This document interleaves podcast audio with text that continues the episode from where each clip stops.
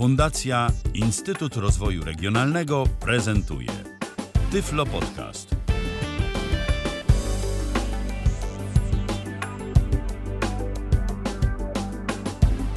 Dzień dobry, dzień dobry i oto mamy 4, 148 audycję z cyklu Tyflo Przegląd. Dzisiaj jest nas ilo? Czworo? Michał Dziwisz, Mikołaj Dzień Kołysz, dobry. Paulina Gajoch i ja, czyli Tomek Witajcie. Gąski. wieczór. A i Paweł Dzień jeszcze dobry. Masaczyk Tak, jest. tak. Cały E, zestaw chyba tak, w ogóle, po raz tak, pierwszy cicho od jakoś. dawien dawna. Tak, chyba, Cicho? rzeczywiście. W sensie ja za cicho? Czy... Nie, po prostu jakoś tak siedziałeś i nie Okej. zarejestrowałem, że jesteś. Okej. Y, No Jestem. i co? I oczywiście zaczynamy od tego, co zwykle, czyli od y, zapowiedzi tego, co się będzie w Tyflo Przeglądzie działo. I jak zwykle przedstawi te zapowiedzi Michał. Tak, ale tym razem już swoim głosem własnym, nie syntezą. W tym tygodniu w Tyflo Przeglądzie. Historia Julii, niewidomej dziennikarki z Kijowa. Masz prawo do dostępności. Ulotka z podstawowymi informacjami dla osób ze szczególnymi potrzebami. Mac Accessibility Hub zewnętrzne dodatki do macOS poprawiające dostępność. Czy strony muszą być w 100% dostępne? Jest wyrok amerykańskiego sądu. Firefox wprowadza poważne zmiany w dostępności. Litofany pomogą niewidomym chemikom. Tyflo Polska. Społeczność niewidomych na Telegramie. Kolejne dostępne treści od Muzeum Polin. Wersja beta Spring 4 dostępna. Pozytywne zmiany w Chrome dla użytkowników macOS. Windows Insider. Microsoft ostrzega, może przestać działać dźwięk. InPost pozwoli udostępnić przesyłkę do odbioru. Wszystko to, a pewnie jeszcze więcej już za chwilę. Zaczynamy. Tak, na pewno będzie jeszcze więcej, Mm, a zaczynamy od y, takiego, takiego cyklu, powiedzmy, który swego czasu u nas pojawiał się dość często, ale jakoś ostatnio cisza była w temacie wojny w Ukrainie, y, a osoby niewidome, ale tym razem jest jakiś news na ten temat. Od Pawła oczywiście. Tak, news jest prosto z Niemiec. y, No i mamy historię kolejnej osoby niewidomej, która no nie dość, że przeżyła początek y, inwazji rosyjskiej na Ukrainę, to też wydostała się stamtąd bezpiecznie e, wraz z mężem i dotarła aż do Niemiec. Julia, bo o niej dziś mowa, Julia Mostowa mm, jest z Kijowa. Y, Tam y, zaledwie dwa dni przed y, wojna jakby wybuchła dwa dni przed tym, jak miała zostać wydana jej książka, w ogóle pierwsza, i pisała sobie jakieś artykuły dla swojego zleceniodawcy, kiedy wszystko się zaczęło. Y, No i oczywiście, jak wiele osób już takich historii czytaliśmy, z początku y, nie wiedziała, co się stało. Znaczy, no wiedziała, co się stało, bo dostęp do informacji ma, ale no nie wiadomo, co robić, czym to się skończy. Ciężko uwierzyć, że to się rzeczywiście stało. E, Do bunkrów ciężko dotrzeć, bo już są przepełnione i trzeba się zapisać, zameldować, że się chce tam mieć miejsce. E, Gdzieś tam pomagali sąsiedzi. Napisała post na Facebooku, w którym wyraziła to, co myśli o tym, co się dzieje, i nawet dostała od swoich y, rosyjskich gdzieś tam znajomych jakieś no, niezbyt przychylne komentarze pod adresem jej i jej kraju. Co tam jeszcze? No, oczywiście jakieś próby mm, trzymania się ścian w mieszkaniu, które potem się okazało, że to nie ma w ogóle sensu, bo jak będzie jakiś porządniejszy nalot, to przecież meble odlecą, ściany odlecą i oni razem z tym. E, No więc długi taki czas bez nadziei i zdaje się, że mm, dopiero 8 marca wyruszyła wraz z mężem. Ona jest y, całkowicie niewidoma, jej mąż y, ma wadę wzroku, ale na tyle delikatną, że da się ją skorygować w dużym stopniu soczewkami. No i wydostali się z Kijowa, pociąg do Lwowa 12 godzin. Jeszcze podczas wsiadania e, też jakieś tam w okolicach dworca trwały naloty i trzeba było to przetrzymać, bo nie wiadomo, czy się do pociągu wsiądzie. Jak już się raz zdecydowało, to nie ma odwrotu e, i nie ma próby jakiejś chronienia się, bo każdy chce mieć miejsce. E, Obawa, że pasażerowie po prostu ich wypchną, e, żeby sobie zrobić miejsce z tego pociągu. Podróż do Lwowa, która zazwyczaj trwa 6 godzin, trwała 12, e, bo ewakuacja jeszcze osób z innych miast. E, I y, jakieś też historie ponoć, że nie wszyscy niewidomi mężczyźni mogą opuścić Ukrainę, że się zdarzało, że zatrzymali cofnęli y, żołnierze na granicy. Im się na szczęście udało. Nawet żołnierze byli dość y, pomocni. Już po polskiej stronie udało się dotrzeć dalej. Chełm, dalej Warszawa i dalej gdzieś tam pociągi do Niemiec, bo Julia miała już dawniej znajomych w Marburgu w szkole Blista, no i nawiązała tam kontakt z tą osobą, z którą akurat go miała. E, nie wiedziała oczywiście, czy odpowiedź nadejdzie i czy będzie to odpowiedź pozytywna, więc mimo wszystko ruszyła w drogę, bo nie było czasu do stracenia. No i okazało się, że mail przyszedł i że to się e, da zaaranżować, żeby gdzieś na terenie szkoły, przynajmniej początkowo, zapewnić im pobyt, bo obozów uchodźczych się troszkę obawiała z uwagi na panujące tam czasem warunki, zwłaszcza jeżeli chodzi o osobę niewidomą, która w tym wszystkim się musi odnaleźć. E, no i, e, i dotarła, to jeszcze wszystko szło tam przez Berlin, przez Monachium. Oczywiście po drodze obawa, czy ktoś nie wykorzysta, czy ktoś ich nie oszuka i tak dalej. No i dotarli, są w Marburgu. Julia chciałaby pracować jako dziennikarka. Język niemiecki już się go uczyła wcześniej, teraz go dalej poprawia. Jej mąż zatrudnił się w szkole w Marburgu jako osoba odpowiedzialna gdzieś tam za prace konserwacyjne, budowlane. E, dostał soczewki lepsze niż e, Ukraina była w stanie zaoferować, więc jest w stanie lepiej wykorzystywać swój wzrok. Chcieliby zostać w Niemczech i w Niemczech też oczywiście pracować. Mm, e, no, takie historie się pojawiają, takie historie będę chętnie przytaczał. Książka Julii ukazała się w końcu w Ukrainie, ale jest plan. Julia bardzo by chciała ją przetłumaczyć na język niemiecki.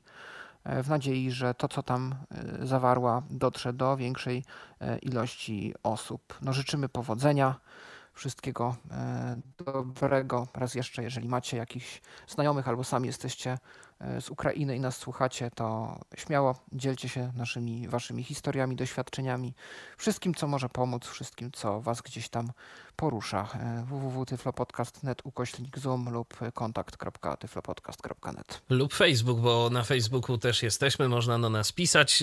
Ja się tak trochę obawiałem, czy nam się dziś uda wystartować z tym Facebookiem, ale na całe szczęście się udało. Wczoraj, no niestety, Face nie chciał nas wpuścić z jakiegoś bliżej powodu. No ale już dziś działa, więc możecie również e, tam nas odbierać i pisać komentarze. Ja postaram się tam co jakiś czas zaglądać i oczywiście te komentarze czytać. A teraz już przechodzimy do naszej rubryczki Tyflo Wieści Typowe. E, I mm, zaczynamy od ulotki. Masz prawo do dostępności, czyli takiej ulotki z podstawowymi informacjami dla osób ze szczególnymi potrzebami, jak to się teraz nazywa. Tak, takie modne określenie y, promowane, mm, no ale się przydaje jednak.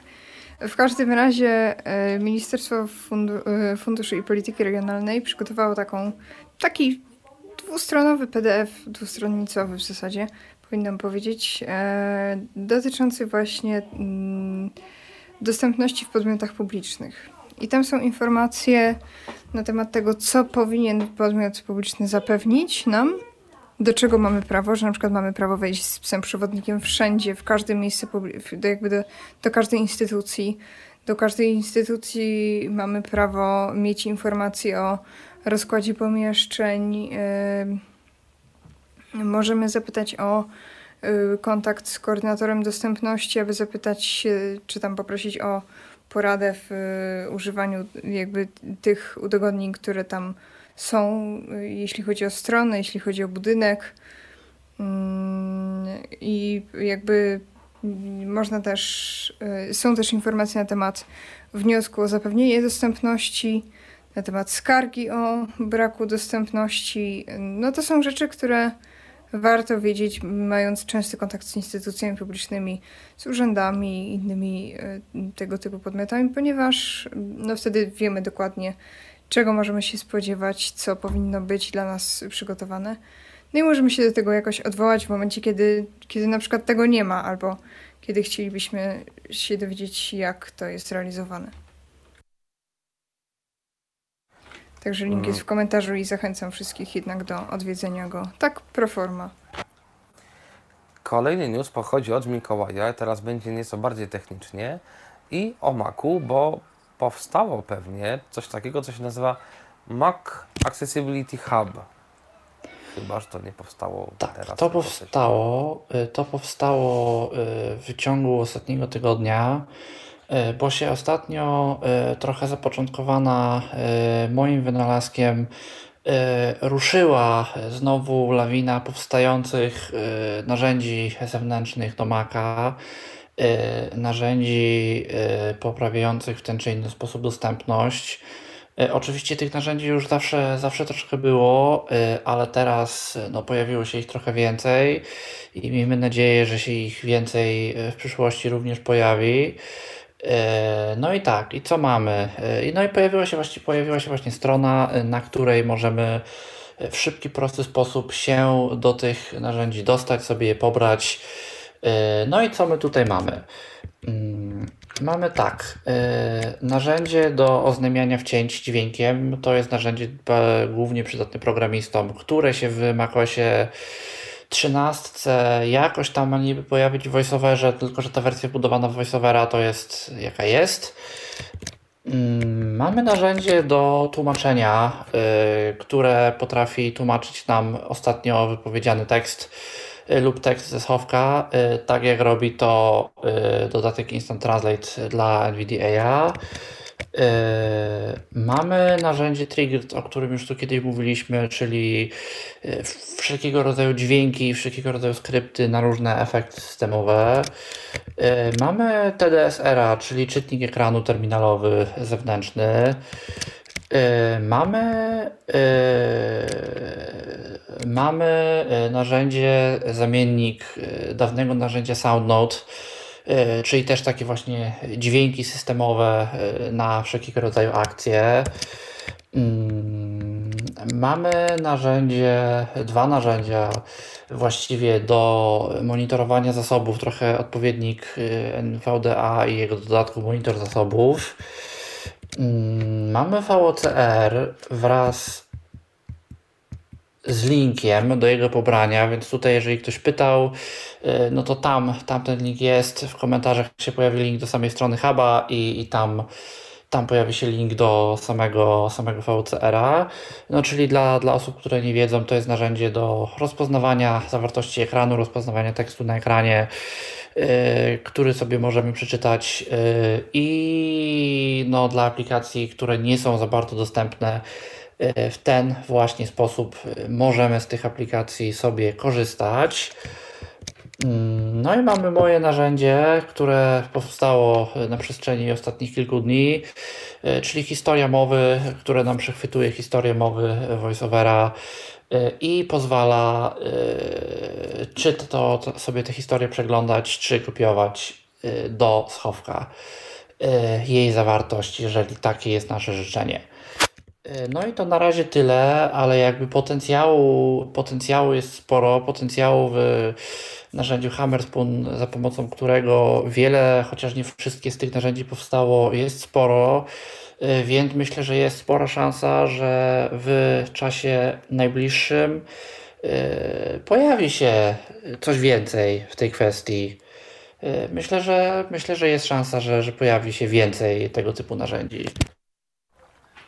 Zapadł ciekawy wyrok w Stanach odnośnie dostępności stron internetowych i to jest news przygotowany przez Michała. Tak, bo teraz będzie kilka słów o tym, jak to z tą dostępnością jest. I wydawać by się mogło, że no, to powinno być w zasadzie oczywiste, ale jak się okazuje, nie jest. I to rzeczywiście może i mogło rodzić pewne mm, różnego rodzaju problemy natury prawnej. Jeżeli sędzia nie był technologicznie zbyt biegły, a podejrzewam, że wielu nie było i nie jest i nie będzie, no to z tak zwanym e, accessibility trollingiem e, mogliśmy mieć do czynienia i jeszcze pewnie będziemy mieli, ale pojawiła się pewna jaskółka. E, W Stanach Zjednoczonych konkretnie e, przez wyrok sądu w stanie Kalifornia. Otóż e, w zeszłym roku niejaki Andrew, Andrews Gomez e, złożył pozew przeciwko Trinitas Cellars. To jest, y, okazuje się, winiarnia, która ma swoją stronę internetową. Y, no, ten pan y, pozwał też zresztą sporo innych różnych firm i zarzucił tym firmom, że strony internetowe ich nie są dostępne dla osób niewidomych. Jakie to były zarzuty? Otóż y, konkretnie w przypadku tej y, instytucji y, chodziło o teksty alternatywne. W logo, mm, że logo nie było dostępne, na, które pojawiało się na górze każdej strony internetowej i także brakowało w odnośnikach do mediów społecznościowych tekstów alternatywnych. No, przyznacie sami, y, może to rodzić pewne problemy. Y, to znaczy, no nie wiemy za bardzo, do czego prowadzą dane linki, i trzeba y, wtedy metodą prób i błędów się tu doszukiwać, o co właściwie w tym chodzi. No ale nie są to jakieś błędy bardzo istotne, nie są to błędy krytyczne, powiedziałbym tak, które uniemożliwiłyby temu użytkownikowi skorzystanie z tej strony internetowej internetowej. Y, przypuszczam, że mogła być to też zupełnie jakaś bardzo prosta strona, y, gdzie tak naprawdę no, mieliśmy do czynienia z treścią, bo nie ma tu w tym artykule, na który się powołuje, y, mowy o żadnych formularzach, żadnych takich interaktywnych elementach, które na przykład mogłyby służyć do składania zamówienia. Mowa tu konkretnie o tych właśnie przypadkach, gdzie mamy logo, gdzie mamy odnośniki, które są pozbawione tekstu alternatywnego. No i mm, sędzia, mm, który rozpatrywał tę sprawę, uznał, że no rzeczywiście fajnie byłoby, i dobrze byłoby, żeby te strony internetowe były, te strony internetowe były super dostępne i żeby te teksty alternatywne tam się pojawiły. Też zresztą, no, przypuszczam, że niewielkim problemem byłoby naprawienie tychże błędów, bo dodanie tekstów alternatywnych e, nie powinno stanowić jakiegoś kłopotu. Natomiast nie uznał e, sędzia w tym procesie, że są to na tyle rażące błędy i na tyle duże e, problemy, żeby no, jakoś karać te instytucje, te winiarnie, która to posiadała taką stronę bez y, tekstów alternatywnych w logo i w y, mm, linkach do mediów społecznościowych. Tym bardziej, y, że sam skarżący no nie był w stanie w jakikolwiek racjonalny sposób uargumentować, no, co właściwie, w czym mu te braki tych tekstów alternatywnych przeszkadzały w korzystaniu z tej strony.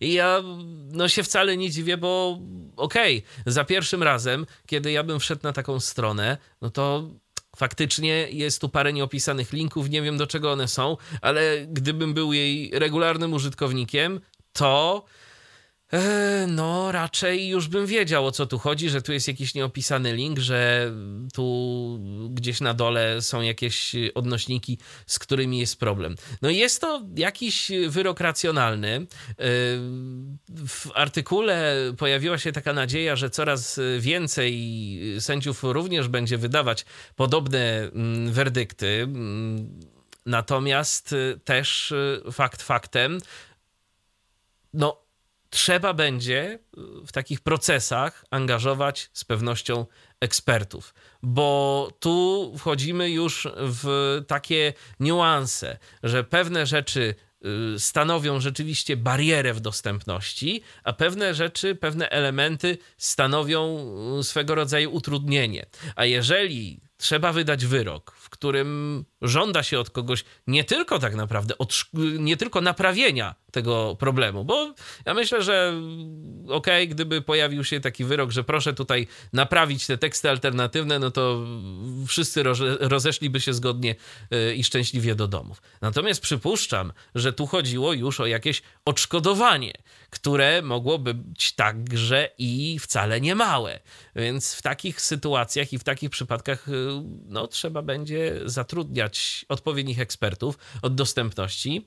No, inna rzecz, że sobie ci eksperci trochę zarobią, ale też i koszty y, tego typu procesów mogą być większe. Więc tak to wygląda w Stanach Zjednoczonych. Y, ty, Mikołaju, no, od czasu do czasu wspominałeś, że tam jest taki trolling dostępnościowy y, i to tak. rzeczywiście tak. może tak fakt. wyglądać. To jest fakt, że bardzo często zdarza się tak, że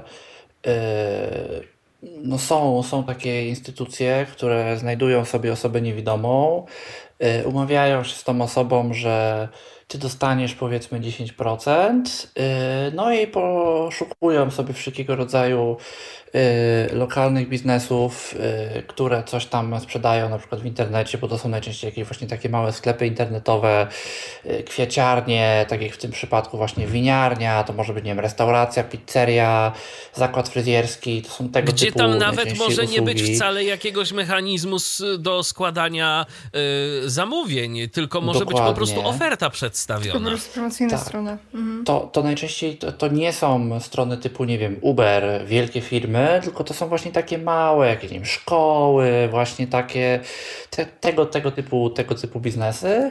No i y, znajduje się tam jakieś błędy, wysyła się i oczywiście liczy się na to, że y, 90% osób y, po prostu zapłaci, bo stwierdzi, że lepiej zapłacić i mieć problem z głowy, niż iść do sądu i się w to bawić.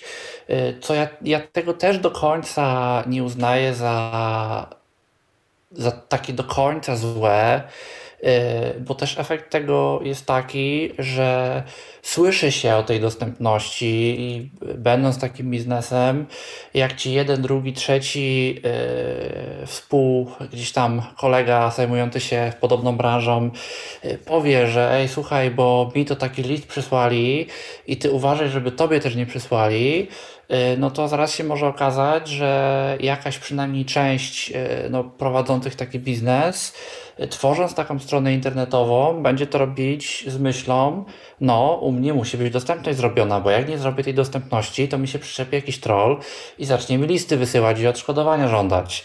Więc, więc oczywiście wiadomo, że to, co robią te trolle, jest wykorzystywaniem i, i tego być przynajmniej w takiej formie nie powinno, ale y, ja się nie zdziwię, jeżeli w ten czy inny sposób ma to y, jakby trochę pozytywnego wpływu na, na to, co się w kwestii tej dostępności, w kwestii tej dostępności właśnie w takich firmach dzieje. Bo też powiedzmy sobie szczerze, stworzenie super dostępnej strony, która nie miałaby żadnych błędów dostępności, nawet i na podwójnym A WCAG jest z wyzwaniem, jest wyzwaniem bardzo dużym e, i oczywiście ta dostępność jest procesem. Należy tu dążyć do tego, żeby było to zrobione wszystko jak najlepiej, ale no chociażby podając taki przykład e, z brzegu nasz e, tyflo podcastowy.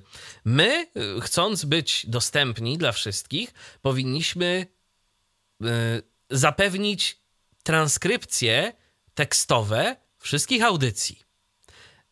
No i teraz moje pytanie jest jedno. Kto to miałby zrobić?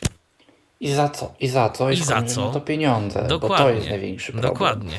Bo człowiek, który by to zrobił, to myślę, żeby się znalazł, ale właśnie te pieniądze to, to byłby, myślę, większy problem, bo z czegoś temu człowiekowi trzeba zapłacić. Oczywiście, że tak. To jest pracy tak naprawdę. Ma, mając ponad 2000 audycji, y, to jest y, praca no wielka, bo jeszcze przecież y, trzeba wziąć pod uwagę, że te audycje cały czas przychodzą i pojawiają się nowe. Więc no to jest niestety taki dość duży problem też, jeżeli chodzi o te kwestie dostępnościowe, że oczywiście my, jako osoby, które no, zyskują na tym, jeżeli strona jest dostępna, to się jak najbardziej cieszymy z tego, że ta dostępność jest i że różne firmy, instytucje dbają o to. Natomiast no, też nie da się ukryć, że są różnego rodzaju takie przypadki, w których po prostu wiadomo, że racjonalnie, racjonalnymi środkami tej dostępności zapewnić się niestety nie da, albo jest to bardzo utrudnione. Ale to ja, ja na przykład dlatego jestem też bardzo ostrożny, e, jeżeli chodzi o wszelkiego rodzaju wymuszanie e, dostępności prawem, bo ja uważam, że oczywiście na to wszystko jest czas i na to wszystko jest miejsce. Da się to zrobić dobrze, ale da się też z tym trochę przesadzić. I tutaj właśnie takim sztandarowym przykładem, jaki jest efekt, jak się przesadzi, to jest przykład MIT, amerykańskiego uniwersytetu, amerykańskiej uczelni, no, gdzie tam uczelnie to już w ogóle mają ogromne te wymogi. E, które to MIT miało, e, chyba to było MIT, która z uczelni w każdym razie, wydaje, wydaje mi się, że to było właśnie MIT, e, miała, miała platformę, na której znajdowały się wszelkiego rodzaju kursy. Po prostu stwierdzili, że nagrają te kursy, które są przeprowadzane u nich na uczelni, nagrają wykłady, opublikują ćwiczenia, materiały. To się wszystko znajdzie w internecie i w tym momencie E, nie wiem, mieszkańcy na przykład krajów trzeciego świata lub osoby, no, które nie mogą z tych czy innych względów tam studiować, a mają dostęp do internetu, będą się mogli po prostu z tymi materiałami zapoznać i każdemu nieodpłatnie udostępnią no, takie właśnie materiały. No i co się okazało? E, przez to, że te kursy były nagrywane, jakby no, no, nagrywane, to były prawdziwie kursy, które się odbywały na, na uczelni, zostały po prostu nagrane, do tych kursów nie było napisów. E, te kursy zostały wrzucone no, w takiej formie, w jakiej one były, e, po czym pojawił się właśnie pozew, któraś z organizacji, bo też działająca na rzecz osób głuchych, się odezwała, że takie napisy powinny i sąd orzekł, że faktycznie takie napisy być powinny i że to jest złamanie prawa, nie dostarczanie tych napisów. No i to się okazało. Efekt, a właściwie wysiłek, żeby wprowadzić te napisy, był tak ogromny, że ktoś po prostu stwierdził, że zdejmujemy tę stronę, wyłączamy ten portal, yy, wszystkie te kursy zniknęły. Oczywiście pojawiły się gdzieś w sieci jakieś szemrane archiwa i da się do tego dotrzeć ale już nowe y, kursy w tej formule nie są publikowane. Y, ogromne ilości bardzo przydatnego, szeroko wykorzystywanego w wielu uczelniach na całym świecie materiału znikły z sieci y, tylko dlatego, że trzeba było dla nich zrobić dostępność, a koszt zrobienia tej dostępności był po prostu tak ogromny, że to nie, nie, miało to, nie miało to po prostu sensu, nie miało to racji bytu. Mm, dlatego jestem fanem właśnie tych tak zwanych rozsądnych dostosowań, czyli no, wymagajmy wprowadzenia tych rozsądnych dostosowań, gdzie definicje rozsądności ustali się jakby trochę indywidualnie. Czyli jeżeli to jest 15-latek budujący sobie stronę dla y, kółka szachowego w szkole, to uważam, że nie powinniśmy go karać za nic. Jeżeli to jest bank, no to już od tego banku fajnie byłoby wymagać tej dostępności zrobionej tak, jak ona być absolutnie powinna, bez żadnego błędu, bo to jest bank. I jakby wiadomo, że każda organizacja pośrednia, w zależności od kosztów tej dostępności, no to to powinno być brane pod uwagę. Jeżeli to A jest jeżeli... na przykład w, przy, w, przypadku materiałów multimedialnych, jeżeli to jest stacja telewizyjna, która y, zarabia, która gromadzi rzeczywiście naprawdę y, duże Dokładnie. pieniądze, to po prostu no w tym przypadku stać ich na wygospodarowanie etatów, gdzie mamy jakąś audiodeskrypcję, czy mamy napisy, czy inne tego typu udogodnienia. No jeżeli to jest na przykład jakieś powiedzmy radio internetowe yy, albo jakie, jakieś niewielkie medium, które tworzy dość dużo kontentu słownego, no to niestety no, nie możemy liczyć na to, że wszystko dla wszystkich da się dostosować, tym bardziej, że mm, no tak jak cały czas mam tu gdzieś z tyłu głowy chociażby przykład Tyflo Podcastu, naszą główną grupą docelową są osoby osoby niewidome i to do nich przede wszystkim dostosowujemy nasze treści. Tak. Jakby ja dlatego, ja dlatego jestem troszkę fanem właśnie tego podejścia rozsądnych dostosowań, e, no bo to jest nawet ta kwestia, kwestia tej AD amerykańskiej, że rozsądne dostosowanie to może na przykład być e, umieszczenie na stronie informacji, że ta i ta sekcja nie jest dla osoby niewidomej dostępna i nie da się jej zrobić dostępnej y, z tego czy innego powodu. Ale mamy na przykład infolinię, można zadzwonić na infolinię i ta informacja zostanie dostarczona. Bo powiedzmy, nie wiem, powiedzmy, że jesteśmy producentem odkurzaczy i powiedzmy, że mamy kilkanaście tysięcy stron instrukcji we wszystkich możliwych językach i one zawsze na tych stronach były tekstami skanowanymi z obrazkami. No i opisać te kilkanaście tysięcy stron instrukcji, no to jest teraz bardzo duży problem.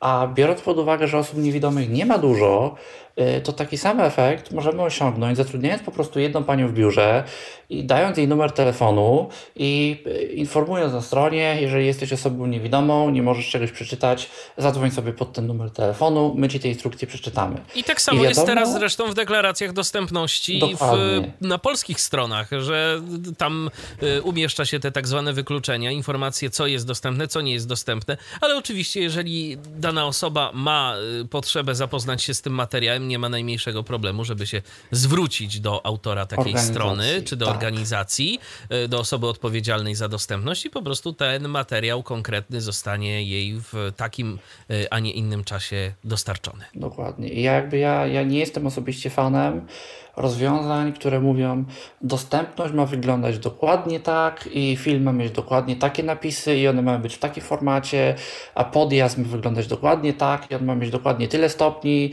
i nagle się okazuje, że do, w budynku się nie da zbudować podjazdu, bo, bo coś tam. No i co? No i teraz pojawia się problem.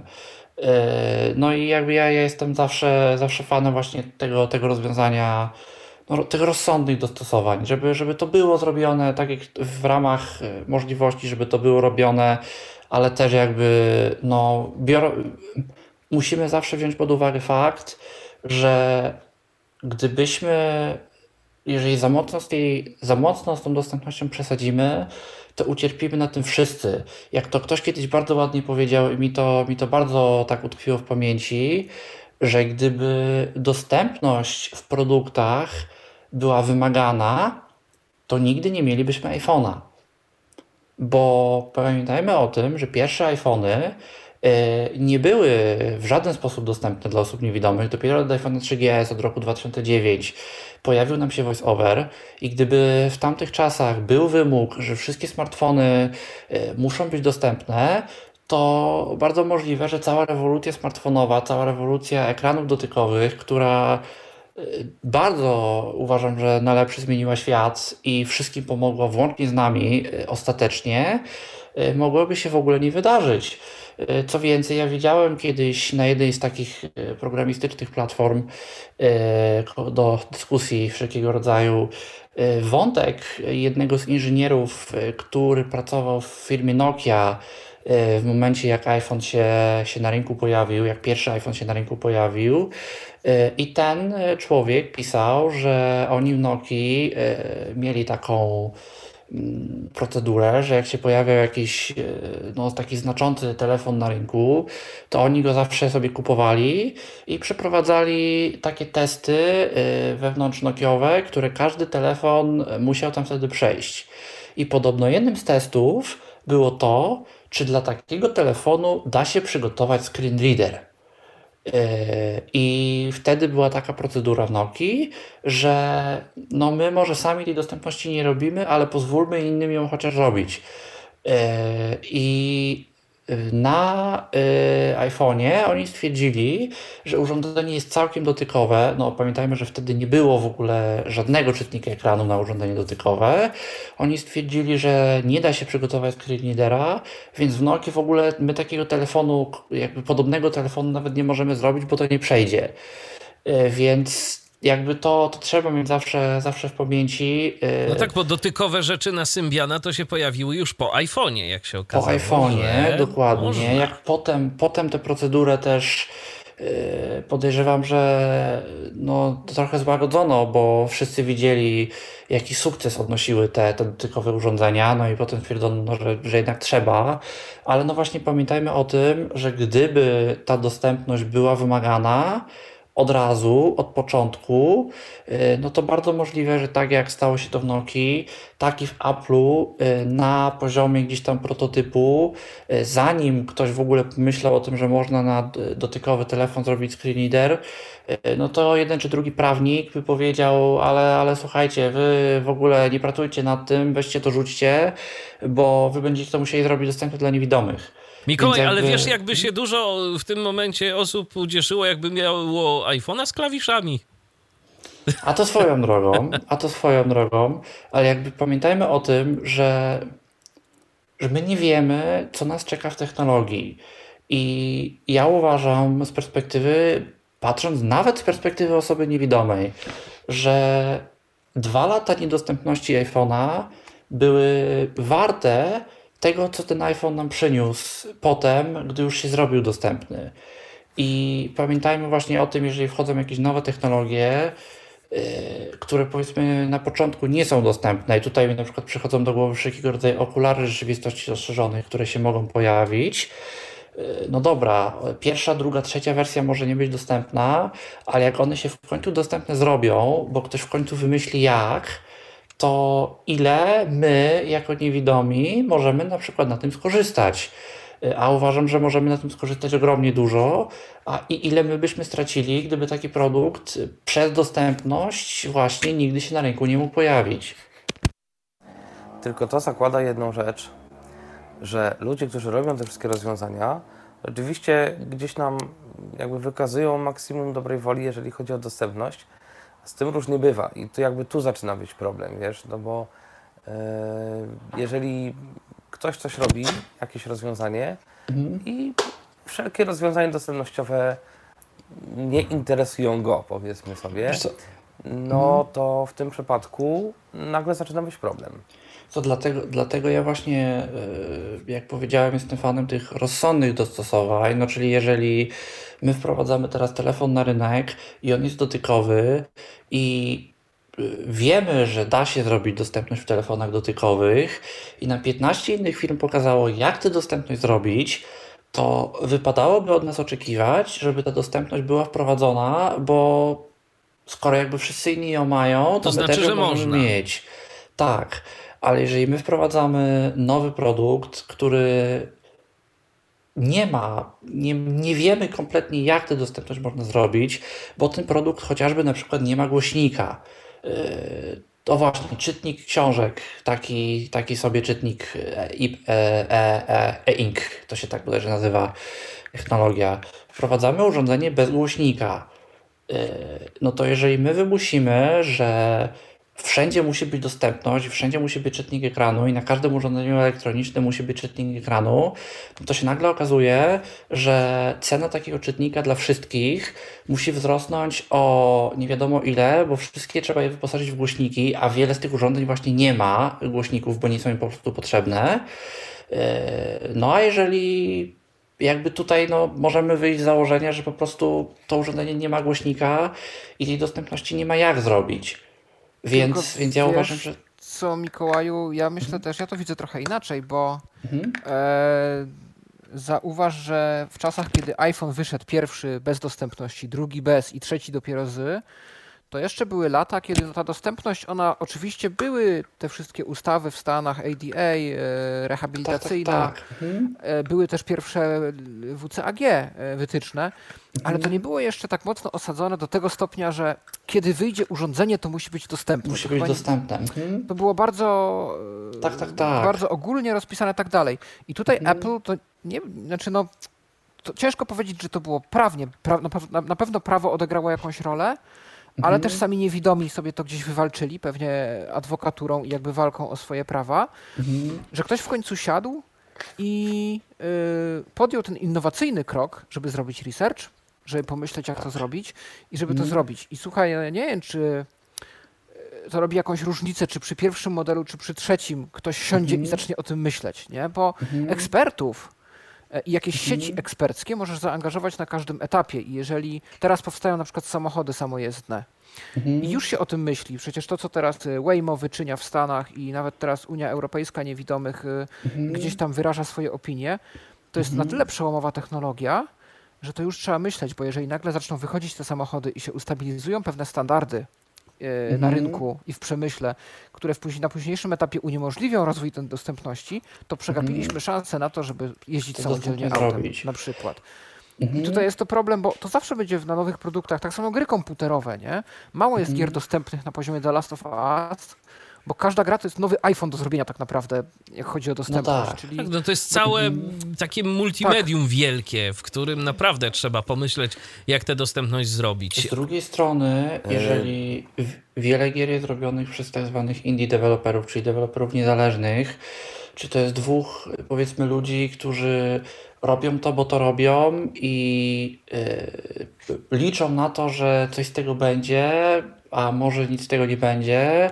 I powiedzmy poświęcają, nie wiem, ileś lat swojego życia i ileś swoich yy, zasobów i pieniędzy yy, na to, żeby wypuścić ten produkt na rynek, yy, no to też jest właśnie pytanie, czy jeżeli się okaże, że zanim ten produkt w ogóle wyjdzie na rynek, to oni muszą jeszcze wykonać 20 dodatkowych kroków i zrobić tu dostępność, tu coś tam, tu coś tam, tu coś tam, yy, to czy się nagle nie okaże, że po prostu mnóstwo małych producentów stwierdzi, że to jest za trudne i my nie jesteśmy w stanie tego zrobić, bo my nie jesteśmy się w stanie dostosować do tych wszystkich wymogów i do tych wszystkich regulacji i zostaną nam na rynku tylko wielkie firmy, które będą sobie robiły co chciały. Słuchajcie, tak naprawdę- myślę, że takie, y, takie dyskusje to jest trochę gdybanie, a co by było gdyby, nie? Znaczy to jest jakby fajne e, i o tym w ogóle pewnie można by sobie zrobić audycję, ale myślę, że można by przejść do kolejnych tematów, bo tego jest jeszcze troszkę przed nami, a y, w, w sumie już chyba rozmawiamy z, z, z 20 minut o jednym temacie. I oczywiście on jest bardzo ciekawy i w ogóle tu mi jeszcze przychodzi tysiąc różnych myśli na ten temat. I jeżeli E, wy chcecie również zabrać głos w tej dyskusji, chcecie coś od siebie dodać, to śmiało, piszcie, dzwońcie. Tak, jeżeli oczywiście chcecie taką audycję o, o, o jakichś przewidywaniach, o tym, co by było gdyby, to też piszcie na przykład w komentarzach. To może udałoby się zrobić kilka takich audycji na, temat, y, na tematy właśnie takich y, troszkę luźniejszych, ale technicznych. Y, Może to jest jakoś ciekawe. Mm, To też jakby, no jednak Tyflo Podcast jest dla słuchaczy, więc tutaj prosimy o opinie wszelakie, mm, co byście Państwo chcieli tutaj w Tyflo, w Tyflo Podcaście mieć. A tymczasem w- m, Firefox wprowadza ważne zmiany w dostępności. Tak, y, pojawia się y, dużo zmian pod maską w Firefoxie. Y, Twórcy, pracownicy Mozilla, twórcy Firefoxa pracują właśnie nad kompletnym przerobieniem tego, jak wewnętrznie ta dostępność jest implementowana. Bo w Firefoxie no, w ciągu ostatnich lat zaszło sporo zmian. Y, Tam się w kwestiach bezpieczeństwa dużo poprawiło, pewne moduły zostały od siebie pooddzielane, y, no i to po prostu sprawiało też problemy do, dla, dostępności, że to ona była trochę tutaj, trochę tam, y, to zostało nagle oddzielone, przez to, że to było tak pooddzielone, to te moduły się musiały ze sobą komunikować, to wszystko oczywiście zajmowało czas, no i ta dostępność zwalniała i było to widać, y, jeżeli byliśmy użytkownikami y, czytników ekranu, że nie było to takie szybkie, jak byśmy chcieli. Y, Teraz ma się to poprawić. Y, Powstał, powstała architektura, którą, którą Mozilla nazywa Cache the World, y, która ma właśnie usprawnić to, jak ta dostępność działa, y, poprawić dużą ilość błędów, y, uprościć kod y, tak, aby można było łatwiej i prościej wprowadzać y, zmiany w tej dostępności, no i przyspieszyć dla użytkownika też działanie tej przeglądarki, jeżeli jesteśmy właśnie użytkownikami czytników ekranu. No i właśnie jedną z tych i, i, i właśnie te zmiany trafiły teraz do tak zwanej wersji nightly, czyli tej y, najmniej stabilnej wersji testowej, bo tam było też, były chyba trzy y, wersje stabilna, nightly i, jeszcze jest tam jakaś pośrodku. No i zmiany się na początku pojawiają właśnie w nightly, y, gdzie są testowane przez takich bardzo eksperymentatorów, użytkowników lubiących najnowsze, ale najmniej stabilne, no i potem stopniowo trafiają do coraz stabilniejszych wersji w miarę swojego, że tak powiem, dojrzewania. No i na razie jest to właśnie zmiana dostępna w wersji Nightly, dostępna za flagą, za odpowiednim polem wyboru. W ustawieniach, jak sobie wpiszemy Accessibility, to znajdziemy pole Accessibility Caching, które możemy sobie zaznaczyć i w tym momencie ta zmiana będzie u nas działać. Na razie jest to testowane na Windowsie. Na razie y, na tej platformie jest to wprowadzone, na innych platformach będzie to oczywiście wprowadzone też y, z czasem. Y, no i na razie jednym błędem, który jest znany, jest to, że JOS nie radzi sobie z tak zwanymi live regionami, czyli no tymi takimi dynamicznie zmieniającymi się obszarami, treściami, które nam czytnik ekranu ogłasza. E, to oczywiście zostanie poprawione, ale to jest e, na razie jakby błąd, o którym Mozilla wie. E, no i jeżeli oczywiście znajdziemy jakieś dodatkowe błędy, to Mozilla zachęca nas, żebyśmy je zgłaszali, czy to w serwisie Bugzilla, czy to przez czat ich wewnętrzny, mm, tak aby one mogły zostać również poprawione, bo wiadomo, że każda strona wykorzystuje przeglądarkę internetową gdzieś tam trochę na swój sposób i nie sposób twórcom przewidzieć y, jakichś dziwnych trików, y, które mogą zostać wykorzystywane, a mogą zaburzyć ich zamysł w tej kwestii. No i miejmy nadzieję, że za kilka miesięcy to wszystko pojawi się również w y, głównym Firefoxie, w stabilnym Firefoxie i będzie dotyczyło wszystkich użytkowników. To teraz, Michale, co to są litofany i czemu są y, przydatne niewidomym, czy mogą być przydatne niewidomym chemikom? Mogą być przydatne, to się zgadza, a litofany, cóż, musiałem sięgnąć po Wikipedię, bo jak przeczytałem o tym, to kompletnie nie wiedziałem, co to jest, a okazuje się, że jest to coś, co jest z nami już od bodaj XIX wieku. Otóż y, jest to cienka płytka porcelanowa, wykorzystywana jako dekoracja, wyrzeźbiona wgłębnie w formie płaskorzeźby yy, i oglądana w świetle przechodzącym. Stąd chętnie wykorzystywana wykorzystywana jako ozdobna osłona na różne źródła światła.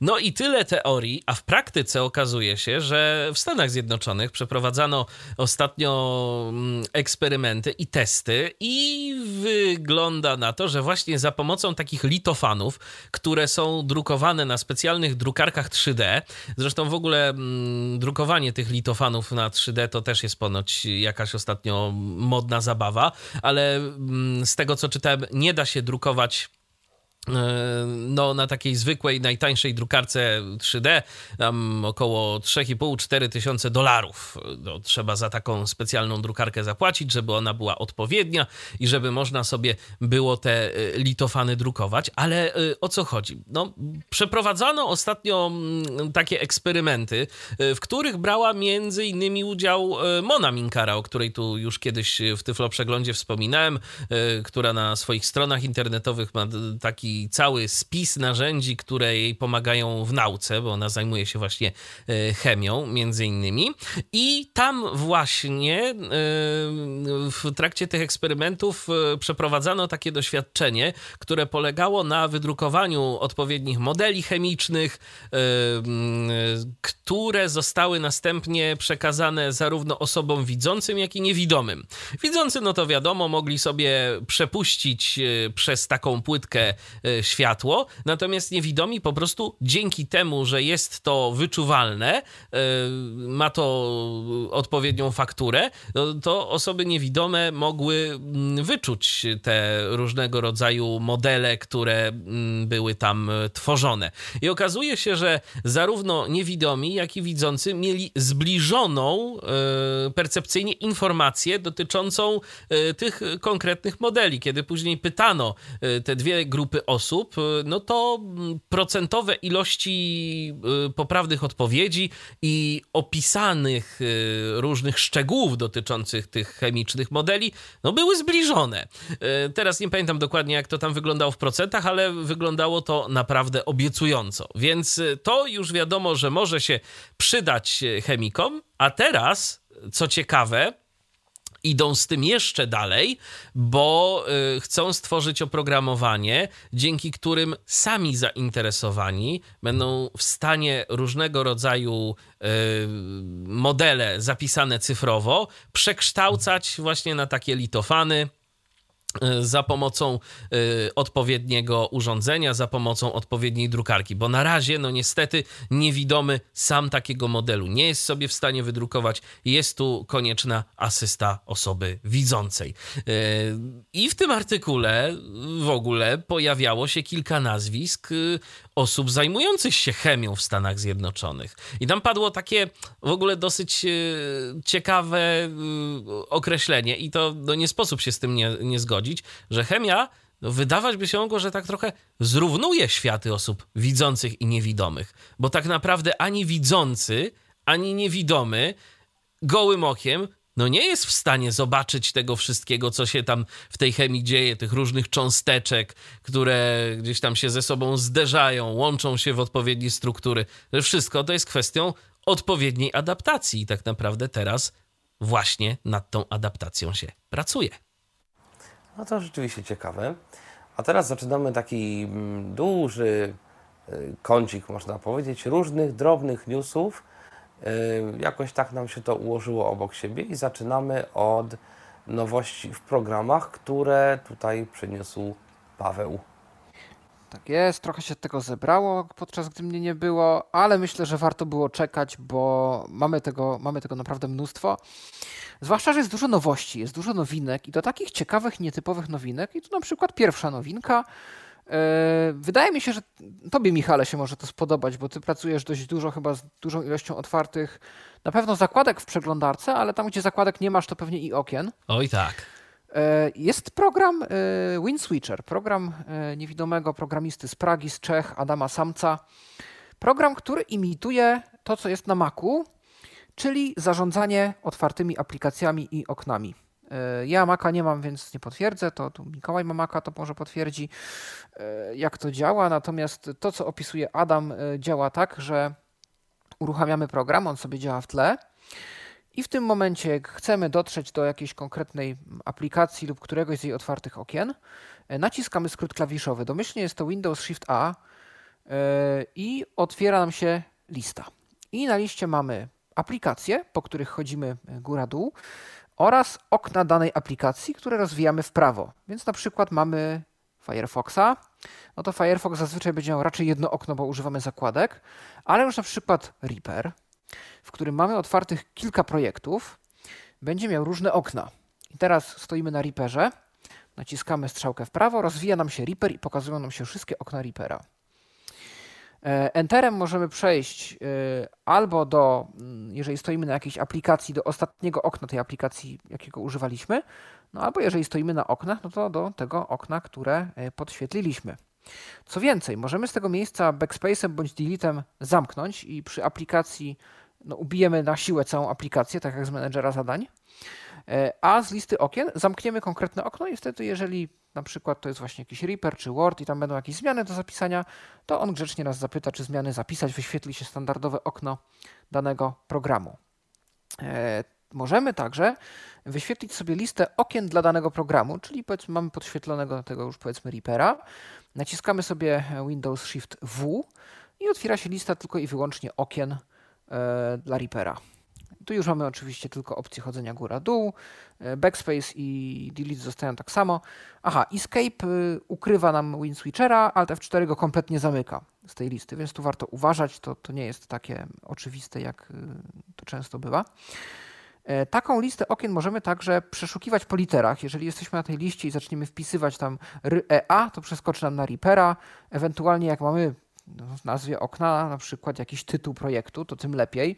Możemy sobie tam wpisać tyf, przeskoczy nam do Tyflo Podcast, okno Reapera, jeden z naszych projektów. Możemy od razu wskoczyć.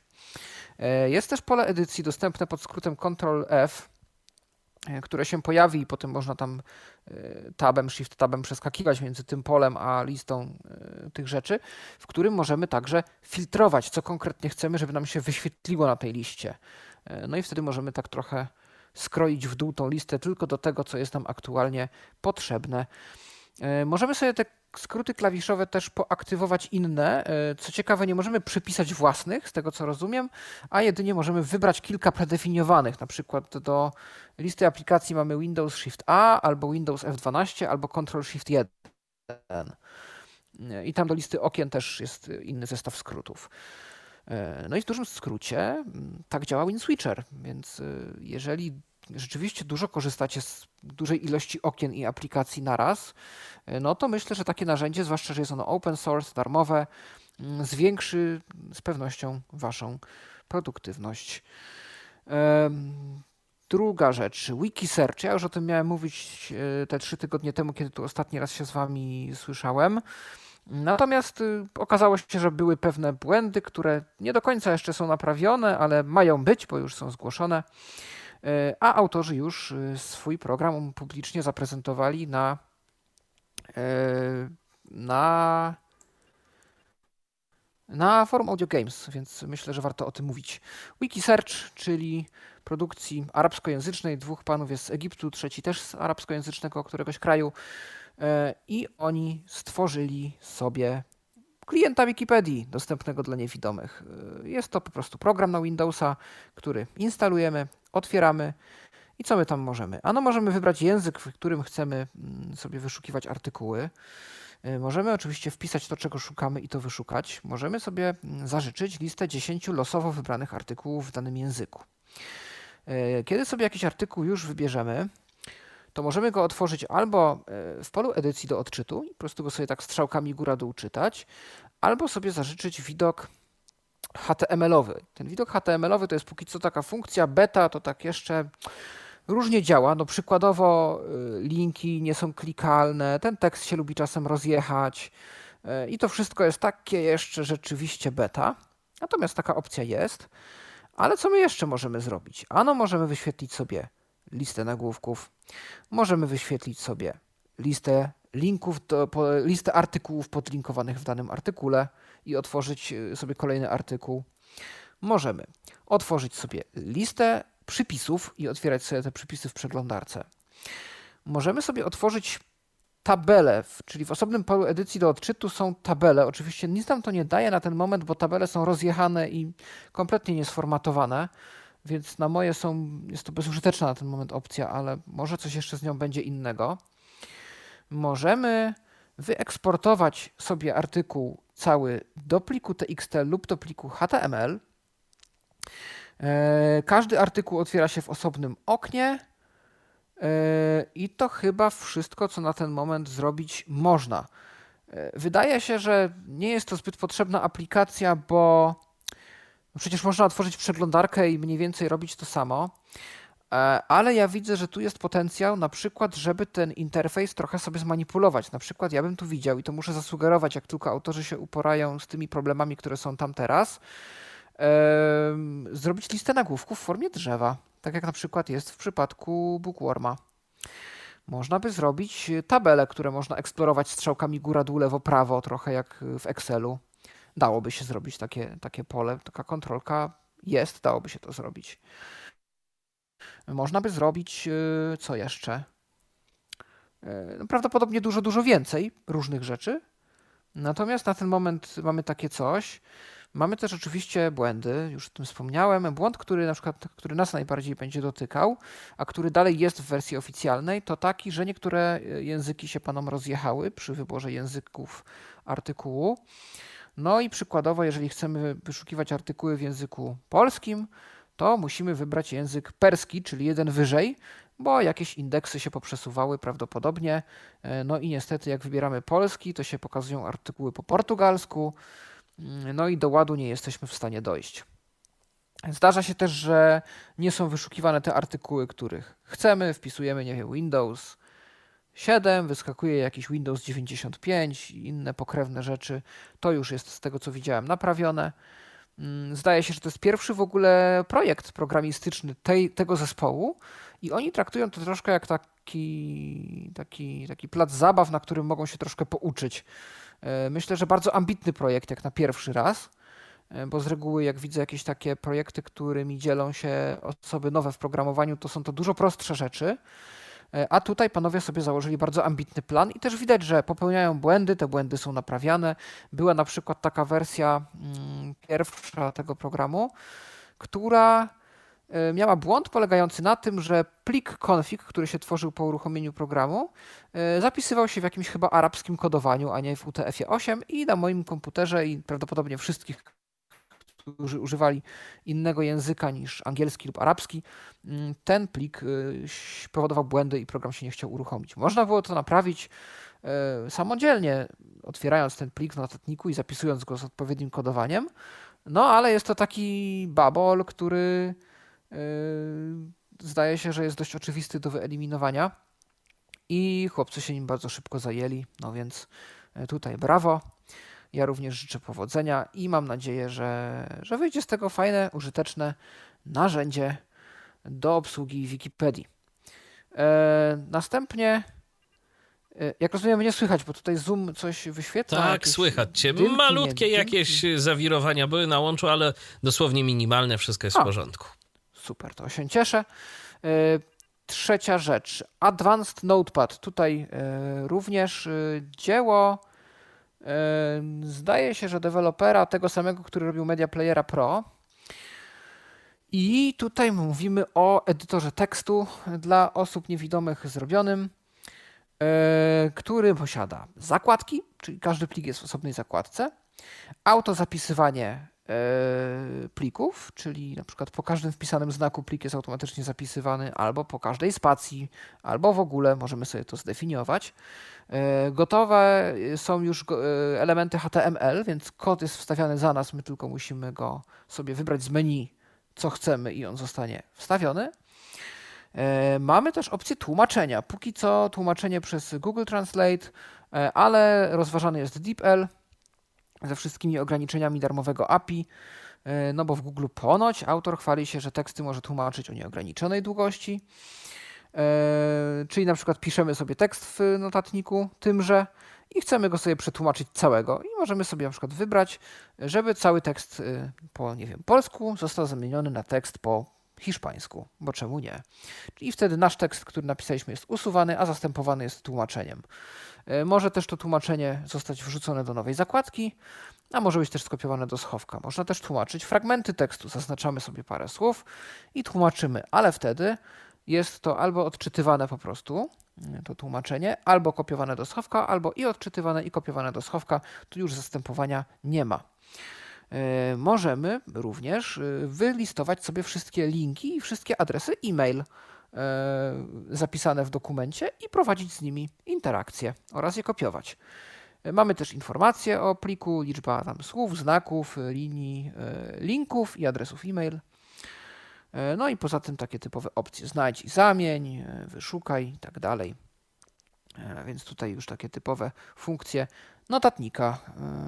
Prawdopodobnie będzie on dalej rozwijany, będą tutaj jakieś kolejne funkcje dodawane. No, może to dla kogoś być interesujące oprogramowanie. Czwarta aplikacja jest aplikacją na system iOS, a w przyszłości również na Androida. E, tutaj produkcji, zdaje się, północnoirlandzkiej, e, deweloper, który zgłosił się wręcz do Europejskiego, Europejskiej Unii Niewidomych z prośbą o opinię, e, bo okazało się, że jego, znaczy aplikację napisał dla siebie, bo dużo podróżuje i zdarza mu się gdzieś tam w czasie tych podróży przysnąć, ale też podobny problem ma niewidomy ojciec tego dewelopera, i wielu z nas, myślę. Czyli słuchamy sobie no, jakiegoś audio, może to być audiobook, może to być podcast, może to być jakiś stream. No i nagle co się dzieje? Zasypiamy, Nagle się przebudzimy i się okazuje, że już y, uciekliśmy dwa rozdziały dalej, nie wiemy gdzie skończyliśmy, na czym zasnęliśmy i musimy przewijać i szukać i jakoś ten problem rozwiązać. No najsensowniejsze rozwiązanie, jakie ja do tej pory widziałem tego problemu, to była aplikacja Smart Audiobook Player na Androida, mm, która miała taki tryb, w którym ustawialiśmy sobie sleep timer na jakiś tam czas, na przykład pół godziny. I kiedy ten czas już powoli upływał, to aplikacja tak powoli zaczynała się ściszać, ściszać, także jeżeli jeszcze nie zasypialiśmy, to byliśmy w stanie to odkryć, że to się dzieje. Jak zasypialiśmy, to nie robiło nam to już różnicy. E, jeżeli sleep timer cały przebiegł, no to a my nie zareagowaliśmy, to oczywiście e, odtwarzanie zostało wstrzymane. Natomiast jeżeli chcieliśmy sobie jeszcze przedłużyć trochę to nasze słuchanie, na przykład o kolejne pół godziny, to wystarczyło potrząsnąć telefonem, odgrywany był dźwięk i już wiedzieliśmy, że przez kolejne pół godziny możemy sobie bez przeszkód słuchać. Autor tego rozwiązania, rozwiązanie nazywa się e, Swiss, chyba tak to należy czytać, albo SWIS, e, jak kto woli, czyli Sleep When I Sleep, e, śpi wtedy, kiedy ja śpię. Mm, wychodzi z troszkę innego założenia. Mamy iPhone'a, no i mamy Apple Watcha. Co potrafi Apple Watch? No, wykryć za pomocą aplikacji zdrowie, kiedy i danych, które są pobierane z różnych sensorów, kiedy zasypiamy. Co robi aplikacja, kiedy wykrywa, że zasypiamy?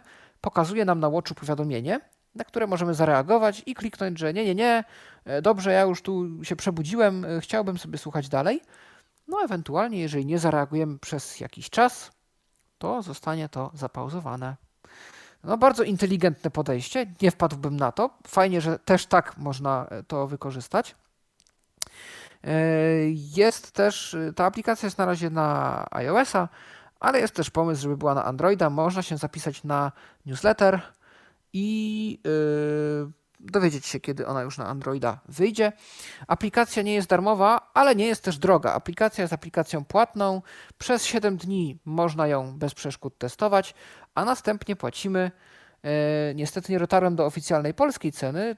Autor podaje cenę brytyjską w funtach 5 funtów rocznie, no czyli będzie to jakieś około 30 zł, może troszkę więcej teraz po e, szalonych kursach walut, ale jest to opłata roczna i za tą opłatę możemy, jeżeli mamy iOS-a i jakiegoś Watcha, e, liczyć na to, że, że z tego systemu e, skorzystamy. Autor jest jak najbardziej otwarty na feedback ze strony osób z dysfunkcją wzroku, więc warto przetestować, warto się zgłosić. Aplikacja w polskim App Store jak najbardziej dostępna jest. Ja już widziałem parę błędów takich dostępności, trochę dziwne podpisy przycisków pewnych, pewne błędy z fokusem. E, aplikacja w ustawieniach gdzieś tam się potrafiła zaciąć, zapętlić, nie chciała iść dalej, ale są to na tyle drobne błędy, że nie powinny nam przeszkadzać w jej użytkowaniu, a autor na pewno jeszcze będzie w stanie je poprawić. E, Instagram zepsuł wrzucanie filmików. Andre Luis skarżył się na to jakieś dwa tygodnie temu, E, że w aplikacji Instagram osoba niewidoma nie jest w stanie wrzucić filmiku samodzielnie, bo się tam wkradają jakieś reelsy, jakieś rolki e, i przeszkadzają w tym procesie. Nie znam szczegółów, bo nie używam Instagrama, natomiast na pewno pisali o tym RNIB, czyli brytyjska organizacja osób niewidomych. Nie wiem, czy też w jakichś mediach mainstreamowych Andre o tym nie mówił. No natomiast dla niego na przykład, dla wielu twórców niewidomych. Jest to dość duża przeszkoda. No, nie jest to pierwszy y, błąd mety w ostatnim czasie, bo Messenger również dalej czyta, że wszyscy są ulubieni, y, więc miejmy nadzieję, że się tam opanują w porę i te błędy ponaprawiają. Y, Calliope, czyli odtwarzacz autorstwa Nathan Teka, Nathana Smitha, E, który oferuje różne opcje. E, oferuje na przykład e, YouTube'a, oferuje odsłuch stacji radiowych, oferuje podcasty, podcasty nie, ale książki z LibriVoxa czy też Daisy, oferuje podgląd informacji o utworach na listach przebojów z Deezera, z innych źródeł, wyszukiwanie tekstów utworów, więc bardzo zapakowany funkcjami program otrzymał funkcję nową, funkcję nadawania w streamach radiowych. Y, na ten moment możemy skonfigurować sobie y, serwer oraz wyeksportować taką konfigurację do pliku, jeżeli chcemy używać kilka takich konfiguracji. Y, przycisk odpowiedni znajduje się, jego menu kontekstowe na ekranie playback i po, po pomyślnym połączeniu możemy mówić oraz grać muzykę. Domyślam się, że nie ma tam żadnego póki co crossfade'u, który by to wyciszał. E, natomiast Nathan gdzieś się uczy o tym wszystkim, o tym całym e, tworzeniu audycji radiowych. E, na razie mu zasugerowałem ja na Twitterze nagrywanie takich audycji również offline, no bo często się zdarza, że audycje nagrywamy wcześniej z zamiarem wyemitowania ich w późniejszym czasie.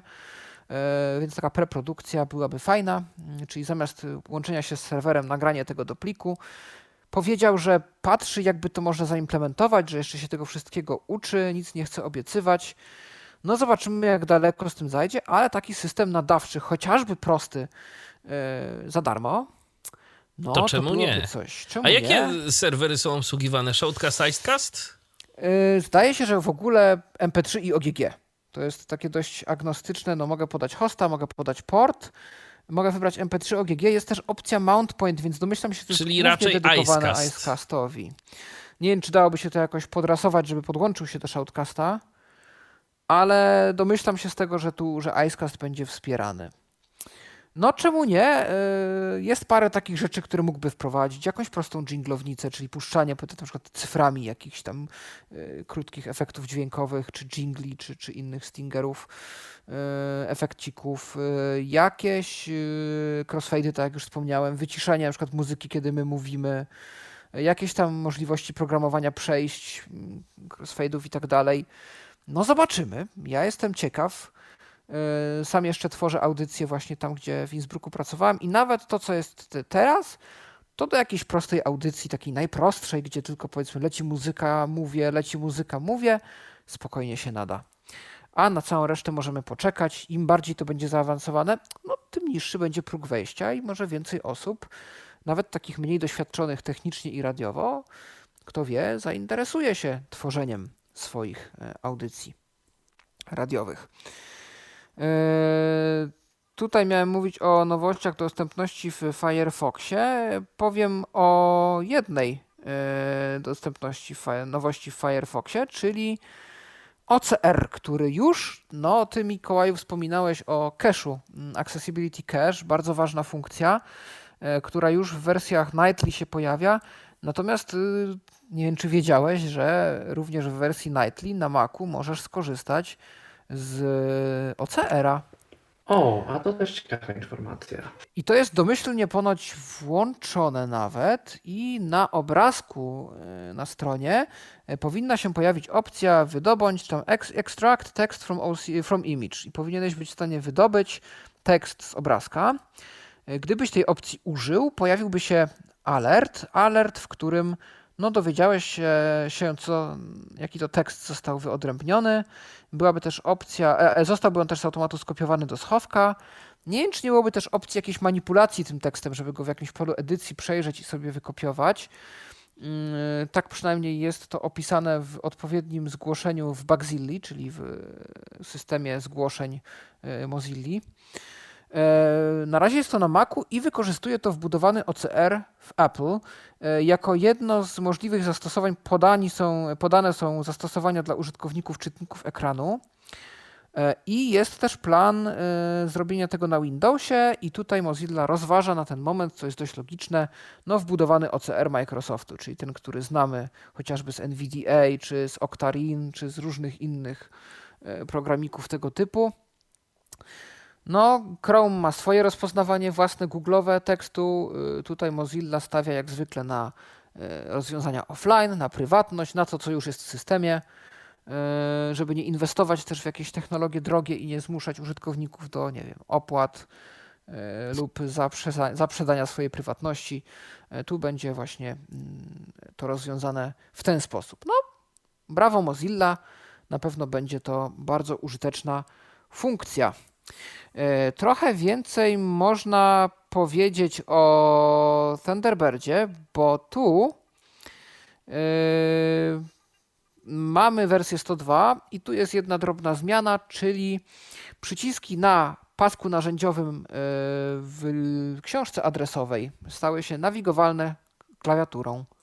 To jest bardzo fajna zmiana i ważne, żeby wszystko, co jest y, w miarę możliwości, by dało się do tego klawiaturą dostać, bo no my, czy użytkownicy czytników ekranu, możemy co prawda jakimiś nawigacjami obiektowymi, kursorami, JOS i tak dalej do wszystkiego dotrzeć, co tylko jest gdzieś tam wyeksponowane w kodzie, ale jest to dużo trudniejsze i, i po co, skoro klawiaturą można. Y, Jest w tym też troszkę nieprzyjemnych informacji, no bo się okazuje, że tutaj Mozilla poszła tak mocno w oznajmianie nam różnych rzeczy, że znowu przypisano jakieś y, role Aria Polite i tak dalej, y, czyli i, i live regiony. ARIA Polite nie została tu ewidentnie zastosowana, że kiedy pojawiają się jakieś komunikaty, to są one na pierwszym planie i możemy sobie, nie wiem, czytać, co napisaliśmy w oknie tworzenia maila. No ale co z tego, skoro nagle pojawi się nam komunikat, na przykład zapisywanie w roboczych, no i przerwa, przerywa nam to całe czytanie, więc e, tutaj takie problemy e, są. Natomiast e, my już patrzymy trochę bardziej w przyszłość i wiemy już też, jakie są plany na taką większą aktualizację Thunderbirda w przyszłym roku, czyli wersję 114. Już mówiłem o tym, że powstają oczywiście Thunderbirdy mobilne i na ten moment wiemy i chyba na tym się Mozilla skupia, żeby powstał Thunderbird na Androida, czyli K9 Mail, który będzie na Thunderbirda przebrandowany i e, już powoli wchodzą różne zmiany, których sobie Mozilla życzy, żeby móc K9 Maila oficjalnie ochrzcić Thunderbirdem. No i mówiłem też o tym, że ma się pojawić e, Firefox Sync, e, czyli możliwość synchronizacji, tak jak teraz to ma już miejsce w Firefoxie, naszych ustawień, profili i innych danych z Thunderbirda przez chmurę z innymi instancjami, czy to właśnie komputerowymi, czy mobilnymi. Ale to nie wszystko, co na nas czeka, bo czeka na nas także e, scentralizowany, ujednolicony pasek narzędziowy. On jest cały czas widoczny e, i będzie takim prostym punktem interakcji, e, w którym będziemy mogli przeszukiwać, zarządzać zakładkami, prowadzić interakcję z paskiem menu w Thunderbirdzie, a także będzie pojedyncze menu, które zamieni menu w stylu hamburger. Nie wiem o jakim systemie tu mowa, bo na Windowsie jest póki co i z tego powinniśmy się cieszyć, tradycyjne menu takie pod lewym altem, jeszcze Windowsowe, no ale wygląda na to, że tu mogłyby nadejść jakieś zmiany. No, Oby nie na gorsze i oby to wszystko było nawigowalne, oby tu nie weszły jakieś dziwne e, wstążki i tak dalej, oby to była kontrolka, która będzie mimo wszystko no dość przyjazna w nawigacji. Może to będą jakieś takie podmenu, że na przykład będzie menu e, jedno, które się rozwija w dół i będzie w dół po prostu plik, edycja, widok i będziemy tylko w nieskończoność rozwijać różne rzeczy w prawo. No nie byłoby to zbyt wygodne, ale lepsze to niż y, może jeszcze jakieś gorsze rozwiązania. E, następnie będzie redesign zakładki poczty, e, w którym pojawią się nowe opcje, takie jak wieloliniowa lista wiadomości. Domyślam się, że tu będzie chodziło o to, i żeby pojawiły się po prostu na przykład więcej linii na wiadomości, jakichś danych, czy na przykład więcej linii podglądu i tak dalej. Nie wiem, czy to wpłynie jakoś na to, jak to będzie widoczne dla screenreaderów. E, i e, wątki w formie konwersacji. I właśnie tu przechodzimy do konwersacji. Mm, widok konwersacji, czyli Thunderbird będzie widział wiadomości w wątku jako rozmowy, jako konwersacje. E, I opcje, które będą oferowane, na przykład to będzie zwijanie i rozwijanie pojedynczych wiadomości. widok ten będzie brał również pod uwagę wiadomości we wszystkich folderach, E, aby ujednolicić je pod jednym widokiem. Czyli to będzie coś takiego, jak chyba było w M-kliencie, że otworzy nam się jakby jeden widok wiadomości, albo taki trochę Gmail, jedna, jeden widok takiego wątku i tam będziemy, nie wiem, czy po nagłówkach, czy jakoś skakać między wiadomościami i będzie widać, nie wiem, nasza wiadomość, czyjaś wiadomość, nasza wiadomość, czyjaś wiadomość i będziemy to rozwijać. E, bardzo jestem ciekaw, jak to będzie znowu wyglądało pod kątem screenreaderów. Wszystko zmierza w stronę taką bardziej, widzę, mobilną. Mm, tak jak mamy konwersację na przykład na iOSie,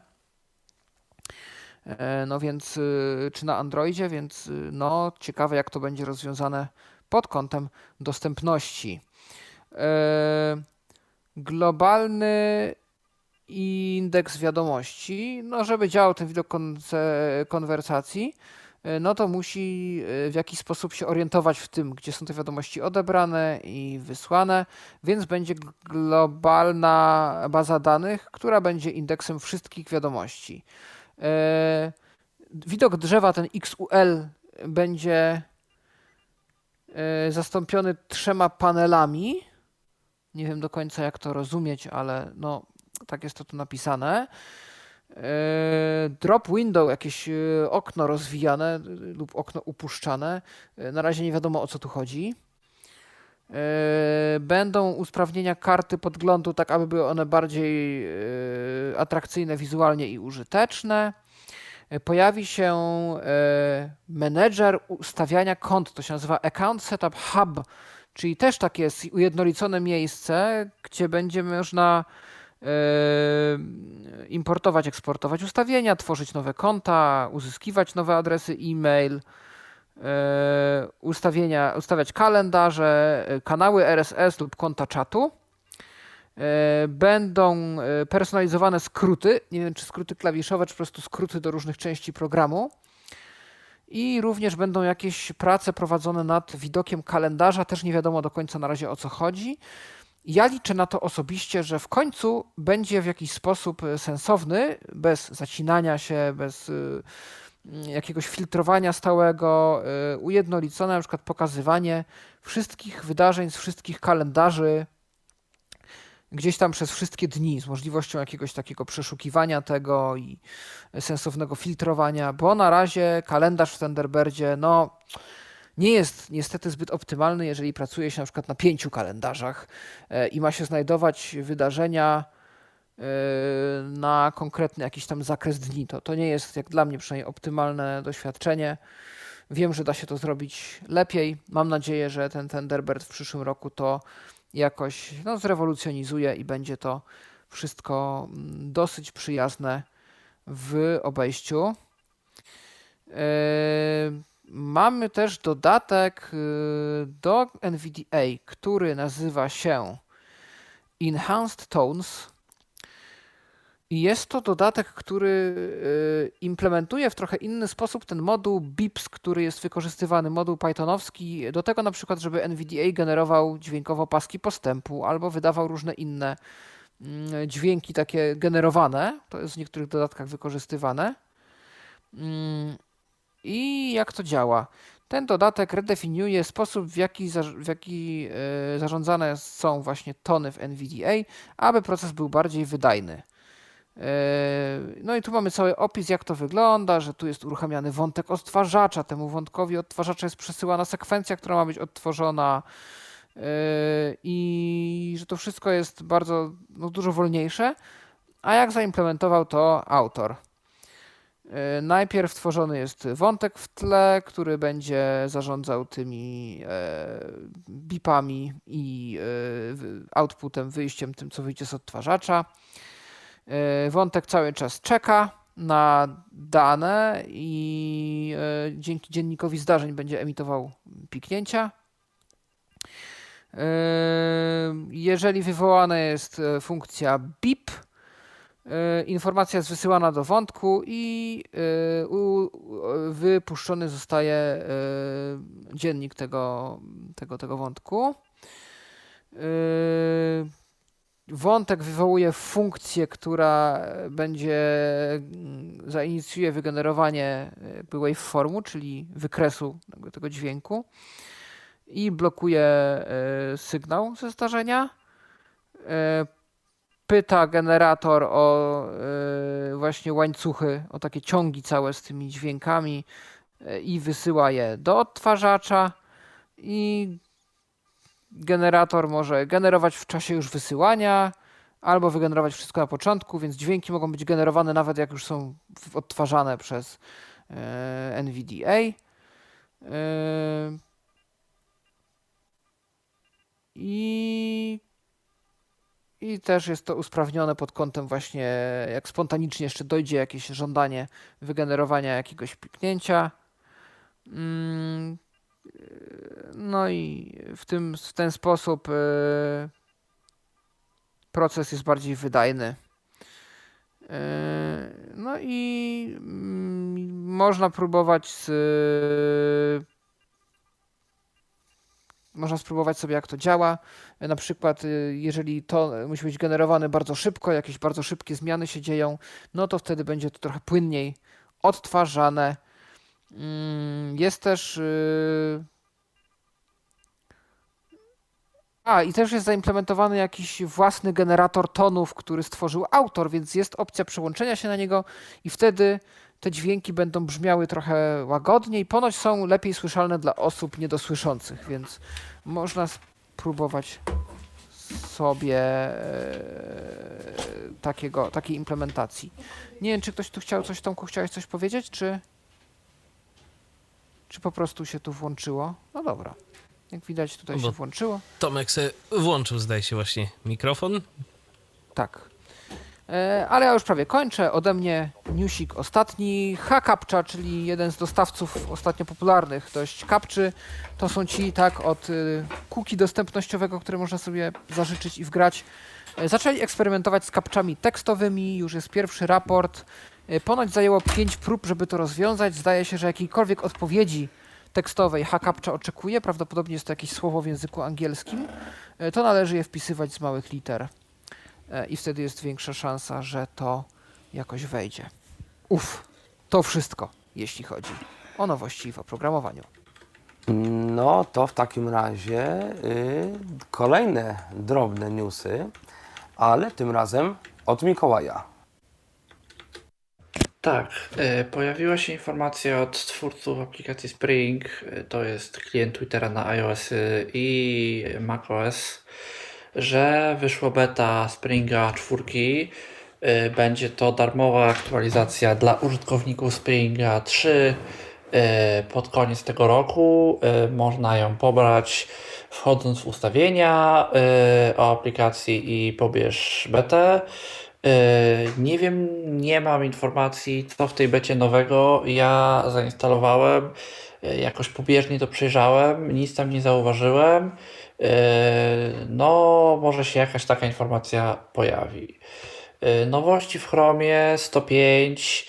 e, VoiceOver dla Maca ma przyspieszyć w Chromie 105. Ma to wszystko szybciej działać i mniej będzie komunikatów e, nie odpowiada, czyli dawnego zajęty. Tak, bo to niestety jest problem obecnie z y, Chromem na macOSie, że po prostu wczytuje się jakąś stronę i tam co chwilę się pojawia ten komunikat, że, że przeglądarka nie odpowiada. Nawet jak na tej stronie się nic nie dzieje, to niestety jest taki problem. Mam nadzieję, powiem szczerze, że łącznie z tym, że zacznie to działać lepiej, to poprawiony zostanie też ten błąd, e, przez który nie bardzo da się zaznaczać tekst na stronach w Chromie. Mm, Na przykład, jeżeli chcę go sobie skopiować, e, no to ja nie jestem w stanie e, tego zrobić.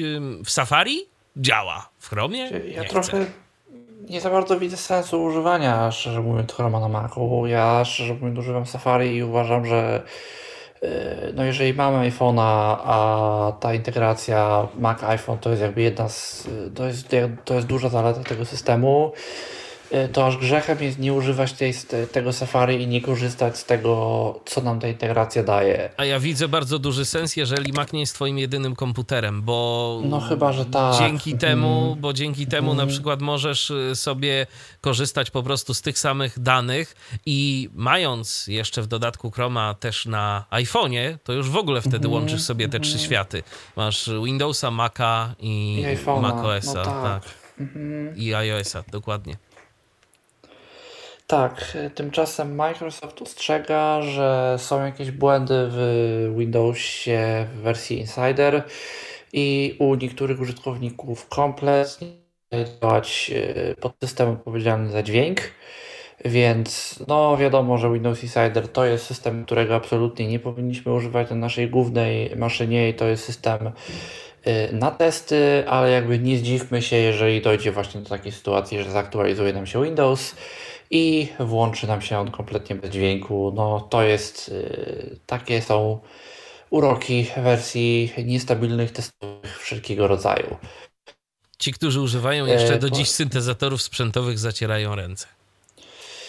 No, dopóki nie będzie problemu ze sterownikami Z portem do szeregowym. Portem, dokładnie. dokładnie, bo z tym to jakoś spod- spodziewam, że prędzej będzie problem i to nawet w stabilnej wersji systemu, bo to jest na tyle rzadko używane przez ludzi e, narzędzie, że no, trudniej zauważyć taki błąd niż błąd systemem. Wiesz co, z jednej strony tak, z drugiej strony jest na całe szczęście jeszcze no, porty szeregowe są używane w różnych e, innych sytuacjach, nie tylko Firmach, tak, tak. do jakichś kas fiskalnych i innych rzeczy tego Dokładnie. typu, więc Mhm. one tak szybko e, z nami Nie znikną. się nie rozstaną. Tak, tak, tak, to też prawda. Mm, pojawił się mod do gry Crusader Kings, yy, poprawiający dostępność. Yy, to jest yy, taka strategia, gdzie tam sobie rządzimy średniowieczną Europą, królestwem średniowiecznej Europy w Europie. I mod głównie pozwala nam na to, że cały interfejs użytkownika, który nadal musimy ocerować za pomocą mechanizmu OCR, mm, będzie lepiej podzielony dla NVDA, czyli tam, gdzie na przykład do tej pory mieliśmy trzy listy, jedna obok drugiej i OCR-ując widzieliśmy kawałek z jednej listy, kawałek z drugiej, kawałek z trzeciej, w dół kawałek z jednej, kawałek z drugiej, kawałek z trzeciej. Y, i tak ciężko było nam po prostu y, przeglądać, no to teraz będziemy mieli jedną listę, pod spodem drugą listę, pod spodem trzecią listę, y, tak, że możemy sobie to normalnie ładnie przejrzeć.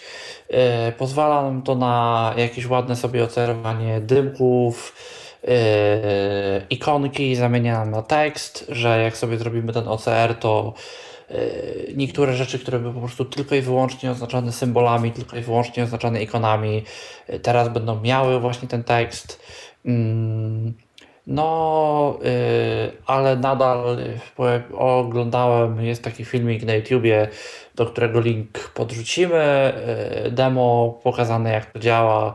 To nadal jest to dużo zabawy właśnie w OCR, w ten dodatek Golden Cursor E, czyli no, przypisywanie sobie do jakichś poszczególnych miejsc na ekranie, e, poszczególnych skrótów klawiszowych, czyli no nie jest to, nie jest to z tego co się wydaje e, najwygodniejszy i najsensowniejszy sposób. Nowości w betach iOS-a, macOS-a się pojawiły. W becie iOS-a poprawiono w Eloquencie czytanie mm, dłuższych ciągów złożonych z wielkich i małych liter, e, czyli to na przykład w hashtagach e, twitterowych się na przykład bardzo często pojawia.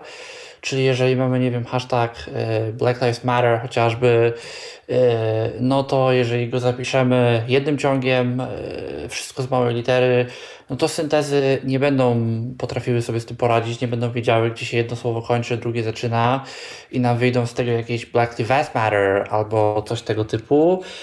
No jeżeli sobie zapiszemy każde słowo jakby od nowa z dużej litery, no to to syntezy sobie to ładnie oczywiście potrafią podzielić. No, Eloquence do tej pory nie potrafił, teraz na iOSie już umie. Y, a na Macu wprowadzono jedną bardzo uważam przydatną rzecz, Y, rozdzielono na pokrętle y, język i głos. Bo do tej pory jest tak, że na pokrętle mieliśmy kategorię głos i tam mieliśmy wszystkie głosy wszystkich możliwych języków. Jeżeli tych języków sobie dodamy kilka, to dostać się do tego naszego głosu lub do tego naszego języka nie jest wcale tak prosto. E, a w tym po prostu momencie, jeżeli powiedzmy, nie wiem, w języku polskim mamy dodane wszystkie trzy głosy i w języku angielskim mamy dodanych głosów 15, e, no to chcąc zmienić język, sobie po prostu zmieniamy język i jest to problem, nie musimy się przekopywać przez jakieś 15 głosów, żeby dojść do tej powiedzmy naszej Zosi, która jest na Z i e, zawsze jest na końcu listy. Mm, więc to jest na pewno yy, dobra, dobra gdzieś tam zmiana widzimy, że to, to, i to jest też ciekawe, bo tego aż do tego stopnia mam wrażenie nie było w poprzednich latach, że tam z bety na betę jakieś naprawdę przydatne nowości w kwestii dostępności się pojawiają. Że to już nie jest tak, że e, tylko błędy się poprawia, tylko coś tam nawet wchodzi mm, nowego, e, co no to też się do tej pory mam wrażenie nie zdarzało. No i to byłoby tyle, jeżeli chodzi o małe newsy. No to tak. Pytanie, czy jest teraz z nią już Paulina? Tak, Bo, tak, już jestem. E, Dobrze. Ale miałabym jeszcze jedno pytanie dla spokoju ducha. E, ponieważ dopiero później się zorientowałam, że nie wyciszałam mikrofonu. W sensie nie wiem, kiedy on mi się odciszył. Przez I chwilę pytanie... było, ale, ale było, no, było słychać po prostu jakby ciebie na klawiaturze. A, pracującą. Dobra, no, Także. się bardzo zastanawiałam. Okej, okay. no to tak, y, już jestem i mogę. No to w takim razie twoje newsy jeszcze zostały, drobne newsy. Tak. Bo ich kilka też jest. E, no więc y, bierzmy się. E, Pierwszy news jest to Tyflopolsce, który, która była zapowiedziana y, w headach. Dla mnie to wielka nobilitacja, bo w sumie y, dałam to tak do drobnych newsów, ale dziękuję za to wyróżnienie. Jest to bowiem grupa na Telegramie, która zrzesza niewidomych i niedowidzących.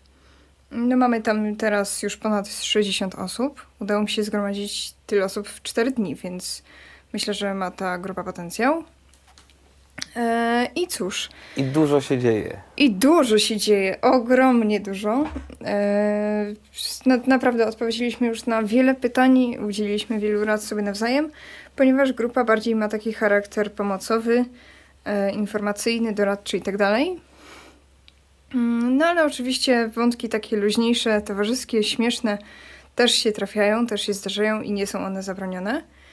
E, dlaczego postanowiłam założyć grupę na Telegramie? Dlatego, że na WhatsAppie tych grup jest multum, a chciałam e, w sumie wraz z mm, administratorem współ tej grupy, czyli e, Radowestem, chcieliśmy zrobić coś takiego, żeby mm, no, żeby chociaż ta jedna grupa nie była cała zalana wiadomościami głosowymi. No i gdybyśmy ją zrobili na WhatsAppie, to byłaby to kolejna grupa, jedna z wielu, więc nie udałoby się nam z, jakby mm, zalecić tego użytkownikom, ponieważ pewnie wyszliby z założenia, że w sumie jest już wiele takich grup i nie muszę się trzymać tego, skoro, skoro jest ich od groma. No a teraz, y, jako że w sumie mm, nikt mnie nie wyprzedził z tym pomysłem, w zasadzie nas, no to y, jest już jakaś baza użytkowników, ym, przestrzegamy tego. No i ten tekst faktycznie w praktyce okazuje się ym, dużo y, lepszym rozwiązaniem z tego, co piszą użytkownicy, ponieważ da się go przeszukiwać, da się go ładnie, no, ładnie czytać szybko, da się go jakoś tam od pewnego momentu czytać Dużo łatwiej jest go przyspieszyć, zwolnić, jakby dużo więcej mamy e, opcji w związku z tym, że, że operujemy już na syntezie, a nie na jakiejś wiadomości głosowej, która jest nagrana. Poza tym znika nam problem e, tak zwanych wypełniaczy, które no, są często stosowane przez osoby, które nie wiedzą, co powiedzieć, no i albo to, nie wiem, robią sobie kawę na tych wiadomościach, albo to właśnie zastanawiają się, co by tu jeszcze, albo mm, nagrywają na przykład 10 minut wiadomości, w których odnoszą się do różnych wątków i tak naprawdę interesuje nas tylko jeden z nich, no ale przewijanie wiadomości, no albo go nie ma, albo jest słabo dostępne. Ale też przede wszystkim, Paulino, dzięki temu, że ta grupa jest na Telegramie, e, swoją drogą muszę dołączyć, e, to no jest, są narzędzia, dzięki, Ojej, którym, właśnie. dzięki którym ma to sens w ogóle, żeby Tak. pisać, e, bo jeżeli e, podstawowym komunikatorem jest na przykład WhatsApp, no oczywiście teraz już zaczyna się z tą dostępnością na desktopy mm, to poprawiać, natomiast no y, dlatego na WhatsAppie mamy tyle tych grup głosowych, że tam najwygodniej się mówi, no bo y, okej, można teoretycznie z telefonu pisać y, i, i ja to robię, ja to praktykuję, ale zdecydowanie wygodniej pisze mi się na klawiaturze komputera, no co by jednak nie mówić. Zgadza się. I kolejna rzecz, dlaczego ta grupa jest na Telegramie? Dlatego, że trochę już y, mam wiedzy na temat botów, które można na Telegramie używać do sprawniejszego zarządzania grupą.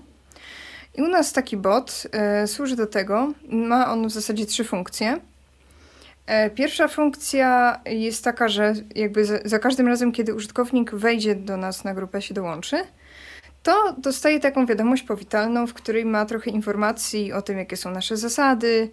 No, witamy się z nim, jakby. mm, No, generalnie jakiś taki pierwszy y, wstęp do grupy.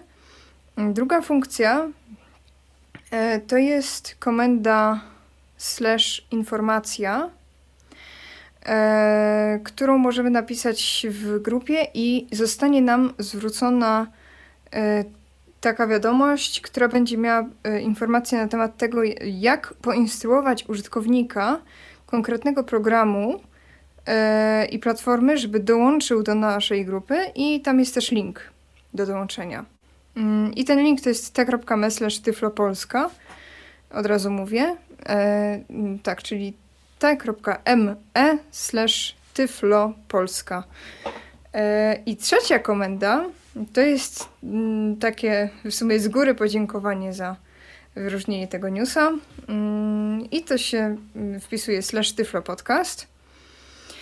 I dzięki tej komendzie otrzymujemy wiadomość z e, audycjami na bieżący tydzień w Tyflo Radio i z linkami, które zawsze Michał wysyła na wszelkiego rodzaju platformy, na Tyflosta, na Eltena, na Discorda, na Facebooka, a jest jeszcze na Telegramie, mm, ponieważ e, to jest też o tyle wygodne, e, że jakby jeżeli nikt tego nie wywoła, to to spamowało nie będzie. Dopiero jak ktoś będzie ciekawy, albo jak będzie potrzebował tego linku, to sobie wpisze i od razu ma wszystko w odpowiedzi, która przychodzi dosłownie w ciągu sekundy. Mm, I w sumie jeszcze zapomniałam dodać, że ten bot jakby czyści ze sobą wiadomości powitalne, tak? Czyli jak przyjdzie pierwszy użytkownik, on mu wyśle wiadomość powitalną, przyjdzie drugi, to on usunie tą pierwszą i wyśle kolejną temu użytkownikowi w odpowiedzi na jego wiadomość. E, mamy też taką malutką zasadę, że jeżeli już nagrywamy wiadomości, to starajmy się, jeżeli jest to dla nas w obecnej chwili możliwe, dodać temat takiej wiadomości. E, robi się to poprzez edycję. E, jak w pisanej wiadomości edycja po prostu daje nam możliwość wyedytowania tekstu, tak w głosowej e, to jest możliwość dodania podpisu. I dzięki temu podpisowi od razu wiemy, jakby do, do czego ta wiadomość się odnosi, czyli na przykład, nie wiem, nagrywam wiadomość głosową, bo muszę pokazać problem, jaki mam, ale od razu w temacie wpi mm, wpiszę, że mam problem na przykład z aplikacją pyszne.pl i dzięki temu wszyscy ludzie, którzy nie używają tej aplikacji, nie będą tego słuchać i nie będą tracić czasu, tak? No, mm, ta grupa trochę jest na tym bazowana, żeby szanować nawzajem swój czas. I w sumie użytkownicy to sobie chwalą, jak tak patrzę. E, I co tu jeszcze? E, no i jakby to, kiedy nie ma potrzeby dodawać tematów, no to oczywiście stawiam na racjonalność, tak? To jesteśmy dorośli, jeżeli na przykład odpowiadamy komuś na wiadomość głosówką, no to, no to raczej wiadomo, że tematem będzie jakby odniesienie się do jego wypowiedzi, nie? Ale generalnie na ten moment ci użytkownicy, którzy tutaj są, nie nadużywają tych głosówek. Większość jest z tekstu i tego tekstu jest naprawdę cała masa i jest co czytać praktycznie przez cały dzień. Yy, ledwo tam się zajmę czymś, no to patrzę jakieś 100 wiadomości, 50. Jest dużo pytań, dużo odpowiedzi, dużo porad, dużo informacji, więc zachęcam. Fajnie, że mi pomysł wypalił, naprawdę się z tego cieszę. Cieszę się, że mogę coś fajnego zrobić dla społeczności. I to jest pierwsza wiadomość. E, druga wiadomość. E, są darmowe szkolenia zawodowe dla osób z orzeczeniem o niepełnosprawności. E, Polski Związek Niewidomych o tym poinformował.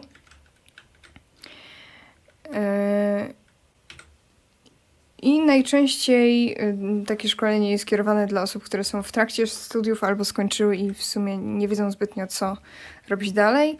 No i naprzeciw takim potrzebom wychodzi Fundacja Onkologiczna Rakiety mm, i ich pilotażowy program Absolvent. E, I tak, co, jakby, co możemy otrzymać, jeżeli się zapiszemy i dostaniemy? E, sesja z profesjonalnym doradcą zawodowym, mm, który będzie w stanie nam powiedzieć, mm, jakby na podstawie tego, co my mu powiemy, oczywiście, czym najlepiej byłoby się zająć później, jak się przygotować do rozmowy kwalifikacyjnej, jak się przygotowywać do poszukiwania zatrudnienia. E, objęcie opieką psychologiczną w, w, celu wsparcia mm, przy podejmowaniu decyzji e, w trakcie poszukiwań pracy. E, Jest też e, jakaś sesja z coachem kariery, który przyjrzy się umiejętnościom e, tego beneficjenta. Mm, I wraz z tym zespołem będziemy wybierać szkolenia zawodowe, które nam zostaną sfinansowane. I wtedy, kiedy te szkolenia przejdziemy, poczujemy się gotowi, to będziemy mogli odbyć trzymiesięczny płatny staż zawodowy. No i wziąć udział w szkoleniu mogą wszyscy, wszystkie osoby z orzeczeniem o niepełnosprawności. Ale poza tym też studenci z województwa mazowieckiego z ostatniego roku studiów lub absolwenci studiów wyższych maksymalnie 5 lat po zakończeniu studiów. Osoby pozostające bez zatrudnienia należy rozumieć przez to osobę bezrobotną lub poszukującą pracy, która nie wykonuje żadnej pracy zarobkowej, zarejestrowaną lub niezarejestrowaną w Urzędzie Pracy.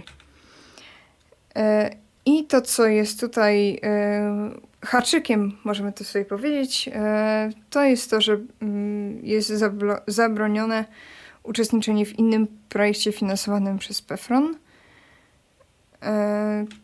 I tutaj też są maile, e, telefony, żeby się zgłosić. Podam mail, bo jest łatwiejszy.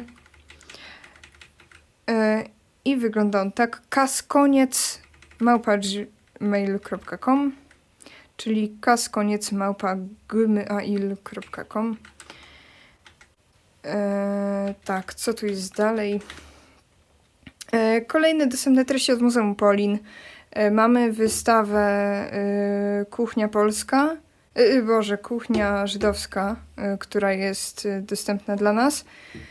Główna ścieżka pozostaje, to jest 2,5 godziny chodzenia z audioprzewodnikiem i zwiedzania. Są też audiodeskrypcje na stronie, te wszystkie linki będą w komentarzu.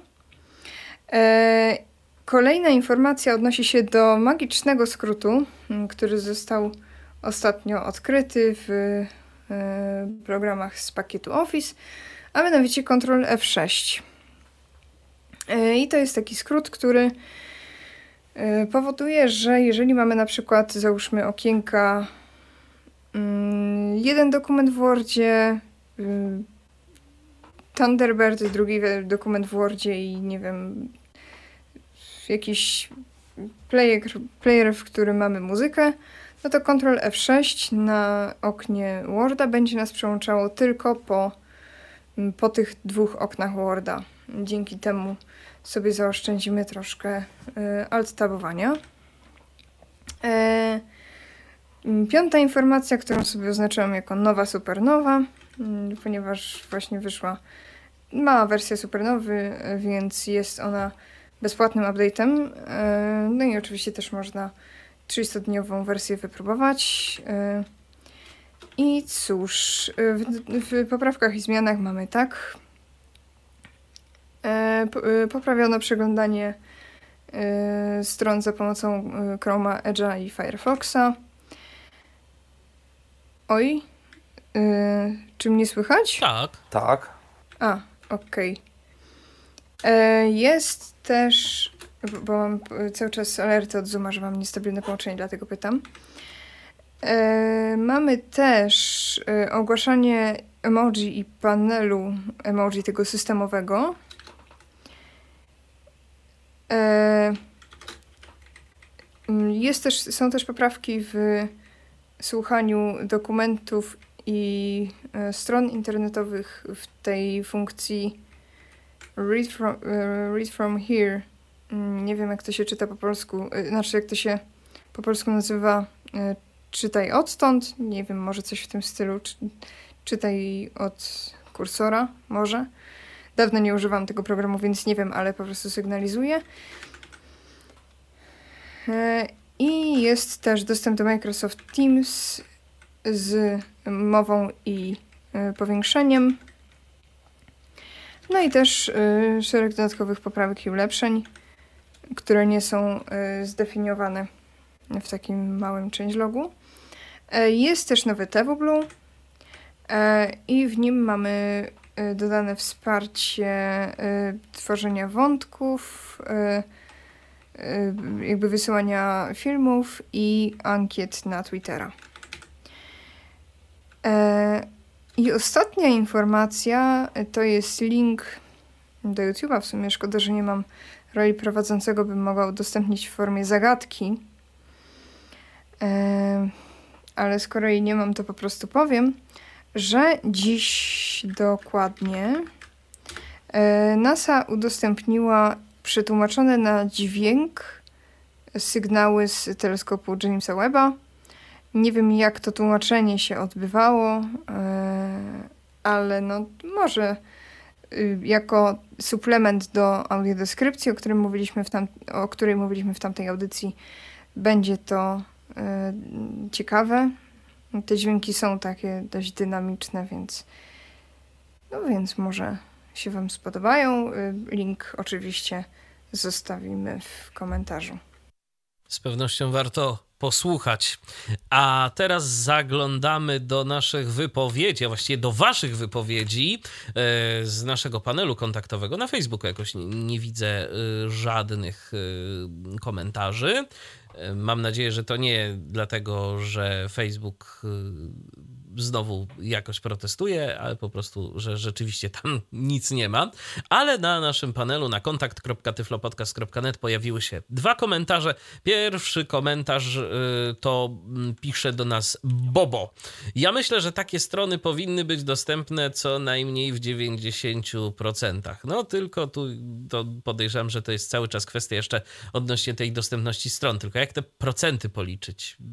Procentowy wskaźnik dostępności nie jest y, mm, chyba najlepszą metodą na ocenianie tejże, tak mi się wydaje, bo łatwo nałapać procentów, a ten 1% może się okazać y, najbardziej problematyczny.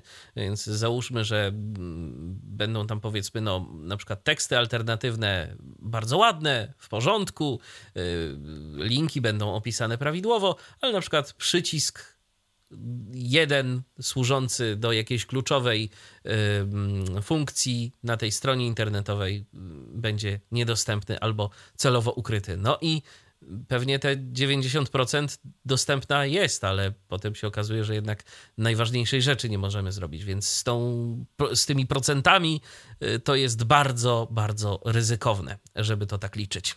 Drugi komentarz jest od y, Piotra i napisał do nas Piotr tak. Odnośnie dostępności y, czytników Amazon w najnowszych Kindlach rozwiązał problem w ciekawy sposób. Niektóre czytniki nie mają głośnika, ale mają Bluetooth i na nich screen reader jest dostępny. Z tego co kojarzę, do tańszych modeli bez Bluetootha sprzedawana była przejściówka, która pozwalała podłączyć do niego słuchawki. No więc jak widać też. No, to nawet i można- na takich można, nawet i na takich można. Właśnie. I to tyle, jeżeli chodzi o Wasze komentarze. Ale to jeszcze absolutnie nie tyle, jeżeli chodzi o naszą audycję. I jeszcze jeden pakiet nowości tutaj przed nami. Tym razem wieści ze świata od Pawła. Tak, y, zgadza się. Ja tylko jeszcze może dorzucę tu a propos newsów Pauliny, że istotnie wyszło nowe, nowe TV Blue, e, ale zmiany są troszeczkę inne. Te zmiany, które ty Paulino podałaś, to są zmiany dotyczące chyba jeszcze poprzedniego wydania y, TV Blue, bo tak kojarzę, że już przez jakiś czas były te wątki i te wideo i tak dalej. Natomiast my mamy już teraz jakieś nowe rzeczy i między innymi na przykład y, jest trochę bardziej usprawnione działanie y, wątków y, na Twitterze. Nie do końca jeszcze wiem, jak to działa, bo nie miałem okazji przetestować, ale podobno na przykład jeżeli wywołamy Windows Alt C, czyli bufor konwersacji na retweetie, no to się okaże nagle, że on zaciągnie nam całą konwersację, mimo że z tweeta źródłowego bo do tej pory on to traktował trochę tak, jakby to był no właśnie jakiś, nie wiem, e, jakby, jakbyśmy chcieli konwersację tego retweetu zaczytać. No a tu się okazuje, że to nie zawsze działa e, i on powinien bardziej do źródła iść, ale e, już, już spróbuję przeczytać sobie tę listę zmian, która jest. A tak, kompletnie przepisano e, auto uzupełnianie użytkowników. E, I w tym momencie, bo kiedyś było tak, że to auto uzupełnianie użytkowników było e, budowane na bazie naszej bazy jakby śledzących śledzonych, czyli tego, co my mieliśmy w buforach, e, a teraz on sobie to pobiera z API. Jakby listę tych użytkowników, e, z których można uzupełniać, pobiera z API, to można w ustawieniach sobie załączyć i przy każdym takim pobraniu pobierane jest y, jedno wywołanie API, więc gdybyśmy wyczerpali nasze wywołania API na godzinę, y, to możemy spokojnie mm, y, dokończyć to po tej godzinie. Jak minie nam czas i znowu mamy nowe wywołania, możemy w ustawieniach jakby dokończyć dociąganie tych użytkowników z API, tak żeby to było kompletne.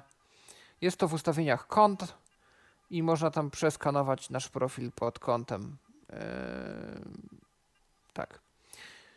Zaimplementowano nowe ustawienie udostępne w opcjach konta ukrywanie emoji e, w nazwach użytkownikach twitterowych oczywiście. To takie funkcje już miały te Quintery, Twiscake'i i tak dalej, teraz ma też to i TW Blue. E, TW Blue e, powinno teraz sortować konwersacje w sposób bardziej logiczny. Powinno to ułatwić śledzić, śledzenie długiego wątku na Twitterze.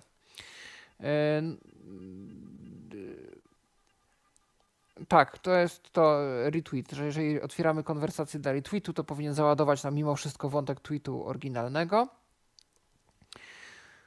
TW Blue.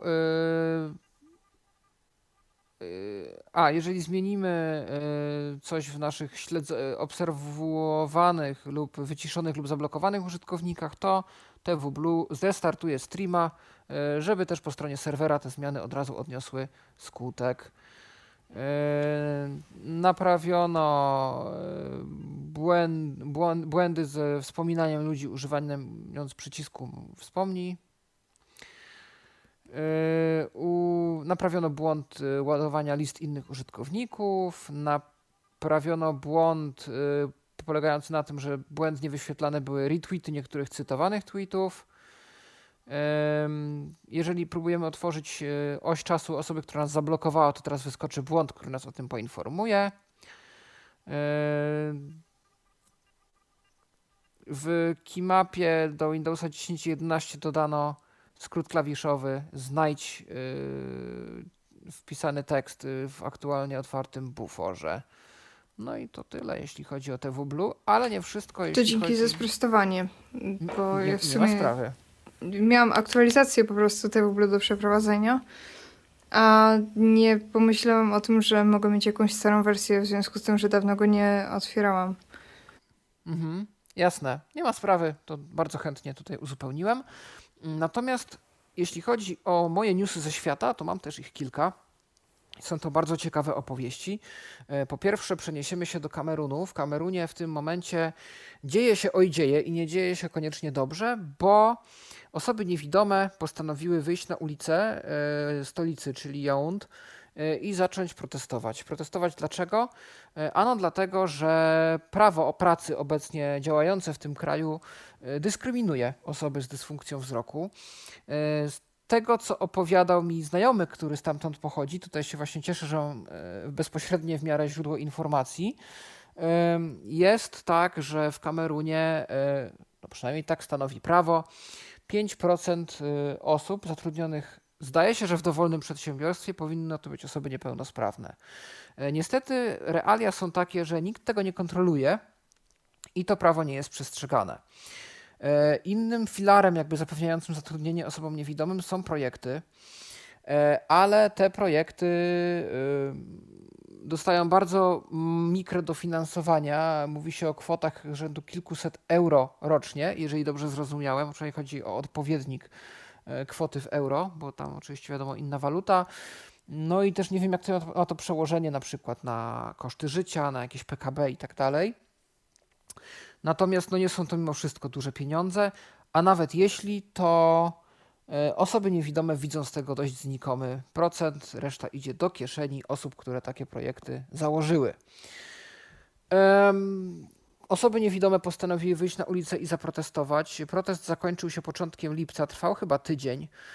I tutaj y, są już informacje z VOA, y, z Voice of America, bo jeden z dziennikarzy tam będących na miejscu, a warto wspomnieć, że Kamerun to jeden z bardziej niebezpiecznych krajów dla dziennikarzy. Y, tak przynajmniej twierdzi właśnie tamten korespondent.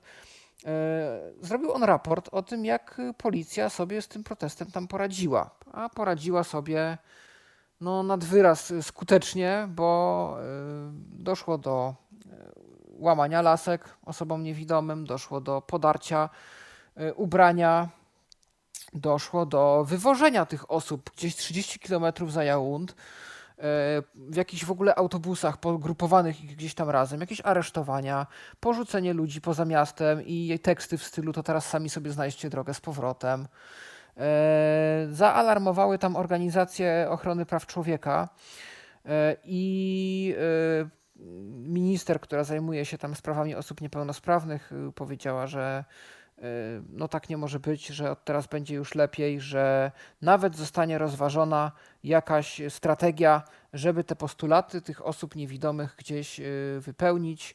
Z tego, co kolega mi mówił, czekają. Czekają dalej na odpowiedź. Nikomu, kogo on zna, nic się nie stało. Natomiast y, no, protesty były. On, on mówił, że znowu słyszał o relacjach z armatkami wodnymi, że policja próbowała rozpędzić tłum armatkami. Y, no, nie brzmi to pozytywnie. Y, natomiast takie rzeczy też się dzieją wśród osób takich jak my, które otwarcie walczą o swoje prawa. Kenia, czyli ten sam kontynent, a że tak powiem, problemy zgoła podobne, ale inne trochę, czyli wybory. No i y, w Kenii, y, tu mamy już y, z BBC materiał, gdzie pani, która jest nauczycielką i aktywistką na rzecz praw osób niepełnosprawnych, opowiada o tym, że niestety w Kenii jedną możliwością zagłosowania dla osoby niewidomej jest osoba towarzysząca, która wypełni za nas kartę do głosowania. Opowiada o tym, że jej osobą towarzyszącą jest jej siostra. E, obydwie panie mają skrajnie odmienne poglądy polityczne. E, no i e, pani Angelin, która opowiadała o tym, co tam, jak to wygląda, mówi, że ona nie ma do końca pewności, czy jej siostra wypełni tą kartę zgodnie z jej życzeniem.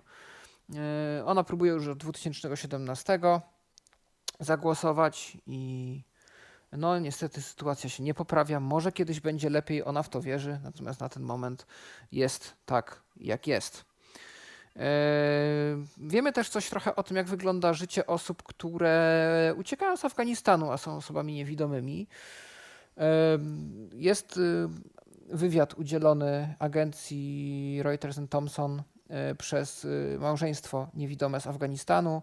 Oboje państwo są również aktywistami na rzecz praw człowieka i osób niepełnosprawnych. Założyli nawet jakąś organizację osób niepełnosprawnych w Kabulu.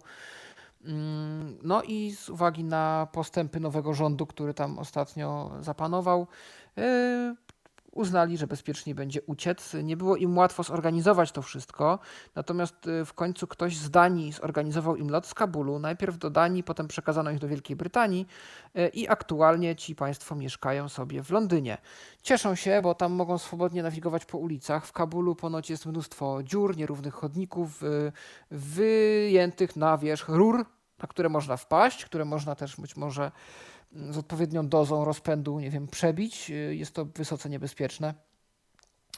E, no a teraz w Londynie chcieliby podjąć e, pracę, próbują się zintegrować, mówią, że no, zwrócili uwagę na taki problem Wielkiej Brytanii, że dużo zainwestowano w obozy uchodźcze, a nie tak samo dużo w jakieś mieszkania, przez co no, nie zachęca się na przykład jakby tych osób tam zgrupowanych do jakiejś integracji, bo one się trzymają same siebie, nie chcą się integrować ze społeczeństwem angielskim, uczyć języka, taki jest pogląd na to właśnie tego małżeństwa, które o tym opowiadało. Nie wiemy za wiele o sytuacji osób niewidomych w Afganistanie na ten moment, natomiast można sobie wyobrazić, że życie łatwe nie jest. E, natomiast przesuwamy się już do trochę bardziej pozytywnych wieści. Nie tylko Kenia w tym roku ma wybory. Wybory parlamentarne odbywają się także w Szwecji. E, I tu bardzo ciekawa strategia, bo Szwedzki Związek Niewidomych postanowił założyć serię podcastów, gdzie mm, w każdym odcinku pojawia się inna osoba e, niewidoma, która korzysta z ich różnych usług, e, która zajmuje się jakimś innym problemem. Są takie problemy na przykład jak transport, digitalizacja, cyfryzacja, sprawy społeczne. Zdaje się, że też dostęp do kultury, pewne inne tematy, chyba tam z 6 czy 7 ma być różnych tematów. No i ta osoba przedstawia, jakie aktualnie w Szwecji istnieją problemy społeczne w tej dziedzinie osób z dysfunkcją wzroku. I zadaniem kandydatów y, różnych partii jest przedstawić, jak oni widzą, jakie oni widzą rozwiązania tego problemu. No, bardzo ciekawa inicjatywa. E, no, miejmy nadzieję, że inne kraje, w tym Polska, również kiedyś coś takiego zorganizują. Byłoby to no, ze wszechmiar ze wszechmiar ciekawe. Wiem też, że jest dostęp do jakichś brajlowskich y, pakietów wyborczych, można je sobie zamówić, więc domyślam się, że tu chodzi też o jakiegoś rodzaju nakładki y, i e, głosowanie korespondencyjne. E, takie możliwości w Szwecji również są. Znowu troszkę mniej pozytywna, znaczy pozytywna wiadomość, ale przykro czyta się o takich rzeczach w roku obecnym 2022 i XXI wieku i że takie rzeczy dopiero teraz zostały mm, zakwestionowane i przegłosowane i zmienione e, w kraju, który gdzieś tu tak blisko leży i należy do Unii, czyli Węgry. A, a no bo na Węgrzech y, do niedawna osoba niewidoma, wyobraźcie sobie, nie mogła, prawnie nie mogła przyjąć samodzielnie mm, żadnej e, przesyłki poleconej wysłanej pocztą. Dlaczego? No bo trzeba złożyć podpis. I dekret, który to prawo, był podstawą tego prawa, stanowił, iż osoba, która nie jest w stanie pisać, nie, nie jest w stanie posługiwać się alfabetem łacińskim lub z innych przyczyn nie jest w stanie złożyć podpisu, może jedynie pokwitować odbiór e, przesyłki poleconej w obecności pełnoletniego świadka, który może zaświadczyć za tą osobę i podpisać. Nareszcie teraz przy współpracy Związku Niewidomych Węgierskiego udało się wywalczyć nowelizację tej ustawy i teraz osoby niewidome zostały wyłączone z tego wyjątku, a raczej wszystkie osoby, które nie są w stanie z różnych przyczyn e, podpisać. Jedyne osoby, które zostały, to osoby, które nie są w stanie posługiwać się alfabetem łacińskim. One nadal muszą w obecności świadka mm, podpisać. Natomiast e, osoby niewidome mogą i słabowidzące spokojnie już odbierać bez podpisu. E, wywalczono to argumentując, iż e, jakby podstawą jakby umocowania prawnie tego, że mm, ta przesyłka została odebrana, no jest fakt, że taki kurier czy listonosz e, był świadkiem, że osoba niewidoma sobie odebrała taki list i taką, czy taką paczkę, a nie podpis tej osoby. Więc tutaj że tak powiem, e, tak to rozwiązano. No i niewidome Węgierki, niewidomi Węgrzy mogą wreszcie odbierać sobie e, przesyłki, e, których przedtem odbierać nie mogli. I już zostały nam pozytywne tutaj informacje. Po pierwsze, Europejski, Europejska Unia Niewidomych, o tym już kiedyś mówiłem, powołała taką grupę roboczą, która zajmuje się tematem E, dostępnych terminali płatniczych. Jakby to rozwiązać, żeby terminale płatnicze, które powoli coraz bardziej wchodzą z ekranem dotykowym, stały się dla nas dostępne. I jedna z firm e, przedstawiła takie rozwiązanie tejże grupie roboczej i Europejska Unia Niewidomych potwierdziła to rozwiązanie jako jedną z rekomendacji, które będzie gdzieś tam stawiać.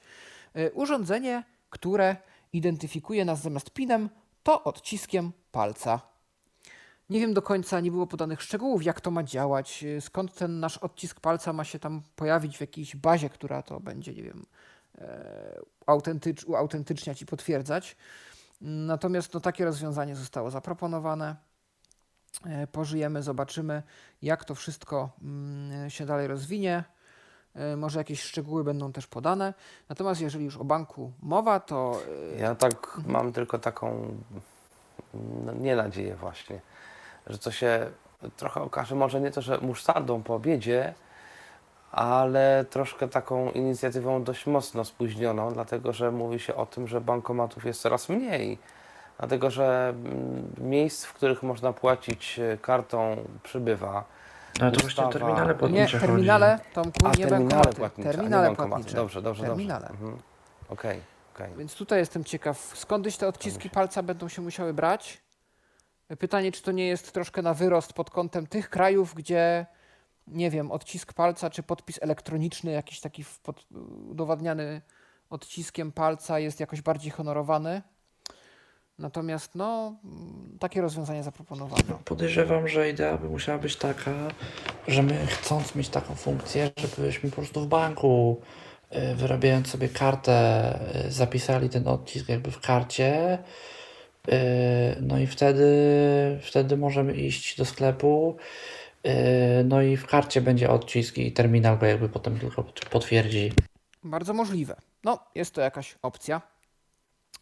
E, Natomiast skoro już o bankach mowa, to tu ciekawy przykład praktyki dobrej. Chyba się to czyta KIHA, bo pisze się CAIXA, jak dobrze kojarzę, w którymś z hiszpańskich dialektów X wchodzi za H. E, Jest to KIHA Bank, jest to jeden z banków działających gdzieś we wschodniej Hiszpanii. E, Bank ten od tego roku przy współpracy ONFE, czyli właśnie tej organizacji osób niewidomych w Hiszpanii oraz Wizy, zaczął wydawać brajlowskie karty płatnicze. E, Działa to dość ciekawie, bo e, klient takiego banku otrzymuje dwie karty. Kartę tradycyjną, która nadaje się do płatności bez e, do płatności zbliżeniowych oraz drugą specjalną kartę. I teraz nie wiem, czy to jest po prostu atrapa, która po prostu ma te dane wypisane braillem, czy jest to rzeczywiście funkcjonująca karta, tylko bez możliwości tego, bez no, tych płatności zbliżeniowych, no bo Braille by gdzieś tam zakrywał to NFC, nie wiem. E, Natomiast jest to karta, na której wszystkie dane, czyli numer karty, CVV, y, data ważności, są wypisane w Braille'u. I co ciekawe, nie jest to jedyny bank, bo też dzisiaj dotarłem do informacji, niestety nie mogłem z uwagi na geoblokadę przeczytać artykułu, ale chyba któryś z amerykańskich banków, y, chyba mniej takich znanych, Arvest Bank, nie wiem czy Mikołaju coś kojarzysz? Nie, nie, nie widziałem, ale tam, i tam jest to, bywa, bywa, bywa, że coś takiego się pojawia, więc Tak, i to tam też- jakby Tak, też zostały tak. wydane karty brajlowskie. Mhm. tak na przyszłość, e, jeżeli kto- ktokolwiek z Was e, trafi właśnie na taki artykuł, e, gdzie geoblokada nam na coś nie pozwala, no to najczęściej najlepiej wejść w tłumacza Google i sobie przetłumaczyć z języka angielskiego na język angielski. O, ale przez to, że to jakby przeleci przez, przez tłumacza, no to ten artykuł nam się powinien ukazać i wyświetlić. o, no dzięki za poradę. Mówiłeś o tym kiedyś, mi to umknęło. No i ostatnia rzecz, gdybyście chcieli zwiedzać kiedyś Paryż, to jedną z takich ba- bardziej popularnych y, atrakcji, zaraz po prawdopodobnie y, wieży Eiffla, jest Disneyland. No i Disneyland od kilku już lat w Paryżu y, posiada tłumaczenie różnych tam treści, które w tym parku są istotne na język migowy. Natomiast od tego lata oferuje on audiodeskrypcję. No i e, odbywa się ona poprzez aplikację AudioSpot. E, jest to też francuska aplikacja, którą można sobie zainstalować na smartfonie. E, I przeczytam tutaj teraz, co tutaj jest napisane a propos tego, co jest mm, oferowane. Ogłoszone niecały rok temu przez zespoły odpowiedzialne za dostępność w Disneyland Paris audiodeskrypcja atrakcji, restauracji, a nawet hoteli jest wprowadzana w europejskiej destynacji Miki, myszki Miki, jak się domyślę. Podczas gdy wdrożenie francuskiego języka migowego i języka migowego, pewnie bardziej międzynarodowego, w niektórych atrakcjach Disneyland Paris przynosi owoce od kilku lat, ośrodek robi tego lata kolejny krok, umożliwiając osobom niedowidzącym i niewidomym korzystanie z coraz większej autonomii, niezależnie od tego, czy w parkach, w Disney Village, czy w hotelach. Audiodeskrypcja już dostępna w Disneylandzie mm, Paryż, Paris z Audi- z Audiospot.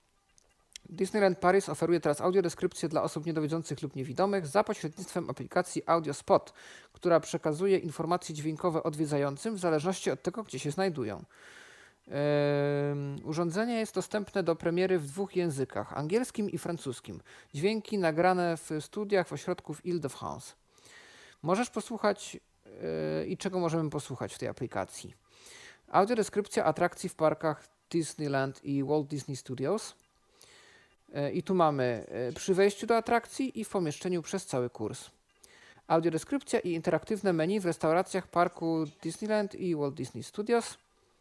I tu mamy atmosfera, rodzaj kuchni, menu. Synchronizowana audiodeskrypcja spektaklu Mickey and the Magician w Animagic Theatre.